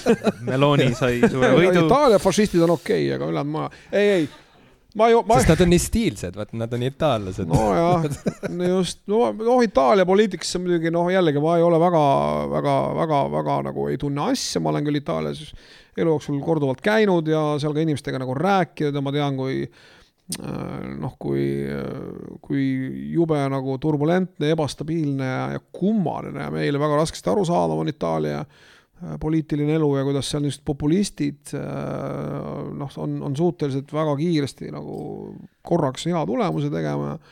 Pepe Grillo oli üks mingi niisugune mees äkki või mõned aastad tagasi, kes seal kuidagi ruulis ja, ja noh, Berlusconi ja noh, ma, ma ei oska, ma, ma, ma, muidugi ma ei, ma ei rõõmusta äh, selle üle, et, et mingid Mussolini nii-öelda ideoloogilised järeltulijad on äh, on, on nii populaarsed, nagu nad Itaalias on, aga ma kuidagi nagu väga ei imesta ka selle üle, nagu see on nagu nii vähe, kui ma Itaalia poliitikast tean ja nii vähe, kui ma olen itaallastega poliitikast rääkinud, need on üsna, üsna ootuspärased arengud mm. aga kui sa peaksid oma sellist eelhäälestust või ähm, äh, jah, eelhäälestust kuidagi nimetama, äh, et kas, et oled sa pigem ja noh, ongi võttes arvesse seda, et sa oled pidevalt jälginud poliitikas toimuvat, sa oled äh, sellest kirjutanud, seda analüüsinud, seda peegeldanud, sa oled vestelnud inimestega, kes seda kõike teevad päevast päeva, et äh, lõppkokkuvõttes, kas sa oled pessimist või, või optimist, et kas asjad kas sa loodad, et tulevik on parem või sa näed, et me elamegi sellises nagu, nagu ammu on kirjutatud õhtumaade allakäigu ajastul? issand, on nii suured ja küsimused, ma arvan, et inimesed, mis mind nagu võib-olla poliitikat võib-olla natuke lähem, ma, ma, ma ei saa öelda, ma olen mingi tohutu nagu autoriteet sel teemal kõnelema, aga noh, vähemalt ma olen nagu natukene lähemalt näinud võib-olla poliitikat kui väga paljud minu sõbrad ja võib-olla ka teie. ma arvan, et poliitikast rääkimise või poliitikute hindamise või, või seesama, noh, et poliitika teeb inimesega ilmseid asju ja nii edasi. et, et selle juures on üks eeldus nagu kohutavalt vale. ja see eeldus on see, et poliitika on oma olemuselt midagi sellist, mis nagu võiks ideaalis olla kuidagi nagu tore või kuidagi niisugune puhas või et ta kunagi on kuskil olnud no ma ei tea, et oleks, poliitika on alati olnud äh, selline, nagu ta on ja ma arvan, et Eesti poliitika on üsna tsiviliseeritud, kultuurne ja üsna korruptsioonivaba võrreldes minu poolest kas või Ameerika Ühendriikidega, kus ma tõepoolest olen poliitilisi arenguid jälginud, noh, see Trumpi aeg oli lihtsalt nii huvitav, ta oli ebameeldivalt huvitav, aga ta oli väga, ja ärevalt huvitav, aga ta oli huvitav sellest kõigest hoolimata ja nagu ma sisuliselt ikkagi neli aastat, nii palju kui ma, ja ma olin selle aja jooksul väga palju Ameerikas, olin hommikust õhtuni, mul ühes toas mängis MSNBC ja teises mängis CNN ja aeg-ajalt vaatasin, mis Fox Newsis toimub ja läksin Attilale närvi ja viskasin puldiga televiisorit, kui Sean Hannity tuli, tuli ekraanile äh,. sest et ta on jäle tüüp äh,. aga, aga ma, ma, ma, ma, ma, ma julgen arvata, et ma olen üsna hästi kursis võib-olla nüüd enam mitte, aga, aga ikkagi ma umbes, umbes tean neid Ameerika sisepoliitilisi loogikaid ja, ja sellega võrreldes on Eestis ikkagi asjad väga-väga hästi ja väga-väga korras ja ja siin ei ole nagu hirmu, nii et selles mõttes see kõik noh, sõltub sellest, millega me võrdleme või, või, või mille taustal me ja mis asi see parem või halvem on. aga ma üldiselt olen, olen selles mõttes optimist, et, et noh, et, et, et nii hulluks kui Ameerika Ühendriikides äh, asi vast kunagi Eestis ei lähe. Ja ma just lugesin mingit artiklit äh, Guardianis äh, Äh, kus ka nii-öelda elatustasemelt tegelikult Ameerika Ühendriigid on sisuliselt nagu arengumaa ikka väga me teame, eks ole, et suured linnad, et seal on kõik kenasti hästi, aga seegi, mis suurte linnade vahel on ja ma olen seal üsna palju käinud, mulle väga meeldib sõita autoga äh, kesk-läänes ja ka lõunas ja ja ikkagi, kui sa kuskil Mississippis äh, keerad suure tee pealt maha ja, ja, ja sa avastad, et et kaardi peal on nagu mingi linn ja selle linna kõige lahedam või nagu ainukene restoran on Waffle House, no see on sisuliselt niisugune ja siis sa lähed sinna sellesse Waffle House'i sa näed nagu päris inimesi, see kõik on üsna trööstitu ja üsna kurb ja ta on väga romantiline muidugi, kõik kantrilaulud räägivad tüdrukutest, kes kusagil Mississippis Meridian nimelises linnas sünnivad ja unistavad sellest, kuidas nad saavad siit välja ja kunagi ei saa ja ja see on kõik nii, nii, nii romantiline ja nii, aga see tegelikult on nagu päris elus, päris elus üsna tööstitu nii et nii hull kui Ameerika Ühendriikides ei hakka Eestis elu kunagi olema. ja mäletan kunagi üheksakümnendate aastate alguses räägiti ühte lugu äh, Ameerika, ühesõnaga väliseestlastest, kes tulid Helsingi kaudu äh, esimest korda üle pika-pika aja, eks ole, Eestisse, võimalik, et üldse esimest korda.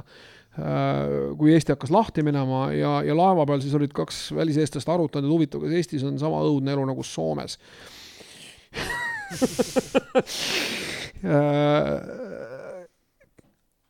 ja, ja nüüd, ja nüüd ma räägin täiesti tõsimeeles sellest, kuidas, kuidas tegelikult Eestis on ikkagi asjad palju-palju paremas korras kui Ameerika Ühendriikides. Ja, ja elatustase on oluliselt kõrgem keskmine, ma julgen väita ja sest ma ka käin Eestis väga palju ringi ja niisugust, niisugust, noh, on muidugi ka trööstituid ja nukraid ja kurbi kohti, aga niisugust kraami nagu USA-s, seda ei ole Eestis. Sul oli üks naljakas küsimus ka ja siis me peame torti pakkuma mm,. jaa, tordieelne äh, isu tekitaja äh, küsimuse vormis. raamatus Musta pori näkku äh,, mille sa siis, nagu juba sai mainitud, kaks tuhat kaheksa andsid välja seal sa kirjeldad ka oma kooliaega, sa käisid seitsmendas keskkoolis, mina käisin ka äh,. see kool muutus hiljem Inglise kolledžis, nii et mina lõpetasin selle kooli Inglise kolledži äh, label'i all siin on Johannes, kes oli mu klassivend, ta on ka selle teekonna läbi käinud täpselt samamoodi, äh, aga meil olid erinevad inglise keele õpetajad vist, sest sinul ei olnud jutus, on ju, sul oli Harvi. temal oli Harvi, minul oli jutus inglise keele õpetaja nagu sinulgi, sa kirjutasid jutuse kohta täiesti jubedaid asju raamatus Musta pori näkku. kas oled teda Äh, poes või tänaval ka kohanud, kas ta on lugenud seda raamatut, see on asi, mida ma kohe mõtlesin, kui ma seda esmakordselt lugesin aastal kaks tuhat kaheksa. Sest ma, ma nägin jutust Selveris äh, umbes nagu kaks kuud tagasi. nägid, te rääkisite sellest raamatust? me, me jah, ja ta küsis, kas sa tead, kus Mihkel Raud on, on sul ta number? Ei, ta küsis, et kas ma ikka inglise keelt praktiseerin ilusti ja, ja siis hakkas rääkima ühest mu referaadist, mille ma kirjutasin keskkoolis. aga, aga. jaa, ma arvan, et see, et sa mäletad, et ma jutuses kuidagi eriti rõvedalt kirjutasin, võib-olla kuidagi nagu võib-olla tuleneb sellest, et sul oli endal temaga väga nagu isiklik suhe, minul tegelikult ei olnud, ta ei olnud minu inglise keele õpetaja, minu inglise keele õpetaja oli äh, Urve Renel ja mm. enne teda oli mul veel päris, päris esimeses klassis oli mul õpetaja Hololei mm, -hmm. kelle eesnime praegu, eesnimi minu eest põgenevad oli Hendrik Hololei ema ja, ja, ja. millegipärast sellest räägiti ka alati, et on Hendrik Hololei ema. Hendrik Hololei oli päris niisugune naljakas ja kummaline tüüp, aeg-ajalt äh, oli ka Hendrik meie tunnis, kuna tal ei olnud last kuhugi panna, siis ta lihtsalt oli seal äh, Hendrik oli, oli, istus lihtsalt mingis vaba, vaba koha peal ja tegi mingeid nägusid ja naerutas klasse ja jumala naljata, ta oli väga lõbus tüüp Ähm, ja hiljem oli jah, oli, oli minu õpetaja oli Urve Enel, oli, oli minu inglise keele õpetaja. jutus võib paar korda asendada. aga mis ma ta kirjutasin, ära parem räägi, et ma ei, ei ole seda, ma lugesin aastaga tagasi selle raamatu audioraamatu äh, sisse, mis muidu ilm, nüüd on välja tulnud lõpuks ometi. Rahva Raamatu äpis on, on see audioraamat ka olemas aga võib-olla, võib-olla ühe lausega ja see vist oli ka põhi, pigem sellepärast, et äkki, äkki äkki Hans H. Luik, kelle, kelle inglise keele õpetaja ta vist tõepoolest oli, kuidagi võttis selle mingil kohtumisel jutuks või midagi taolist, ma arvan, et see oli umbes kuidagi niimoodi mm.. aga ei, ei noh, muidugi tagantjärgi ma mõtlen, ma oleks võinud neid asju võib-olla tõesti natuke eriti niisuguses olukorras, äh, kus ma pean nagu aru andma justkui natukene. Äh, võib-olla oleks pidanud jah, natuke kuidagi teistmoodi, teistmoodi kirjeldama ja ma olen kindel, et õpetaja jutus oli, oli tubli ja hea inglise keele õpetaja. Äh, ja kindlasti oligi, aga meil oli ka koolis, ma ei tea, kas sina käisid sellel ajal koolis või ei käinud või küllap ei käinud, meil oli koolis, oli direktor, kelle nimi oli Linda Murs ei, ma, ma, ma, ma saabusin rebase ajastul. rebase ajal tuli ta hästi ja vot tema ei osanud küll inglise keelest mitte silpigi, mis ei takistanud tal inglise keelt muidugi õpetamast jah. super äh, ma arvan, et me peaksime hakkama nüüd torti sööma. kindlasti äh,. kas, kas on tatra või nisupõhine see on tort? nisupõhine tort, ma vaatan oma ema poole küsivalt ja see on kindlasti nisupõhine tort äh,, aga ta on kindlasti väga maitsev äh, ja, ja Äh, ma küsin sellise küsimuse ära, kas keegi tuli kohale, mis ta oli meil läbikukkumisel, ei, mitte läbi, ebapädevuse lipuga selle ma lubasin lihtsalt topeltportsjoni ebapädevuse lipuga kohale tulijatele, aga tundub, et ei tuldud, nii et äh, ma arvan, et kooki on kõigile piisavalt, nii palju, kui te ka tahate. aitäh, et te tulite meid kuulama, aitäh, Mihkel, et äh, sa tulid meiega rääkima. aitäh kutsumast ja Ehm, ja mul on väga hea meel tunnistada, et me oleme kuus aastat vastu pidanud, seda on kuu, kuuendat sünnipäeva on väga tore pidada, sest sünnipäev oli tegelikult juunis. aga me elasime ka selle pool aastat üle, nii et pole üldse hullu. ja ähm,, pidu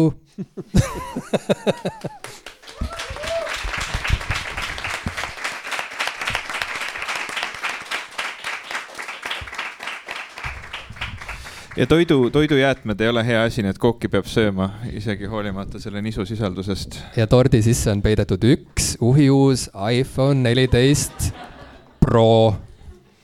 nii et kes ees, see mees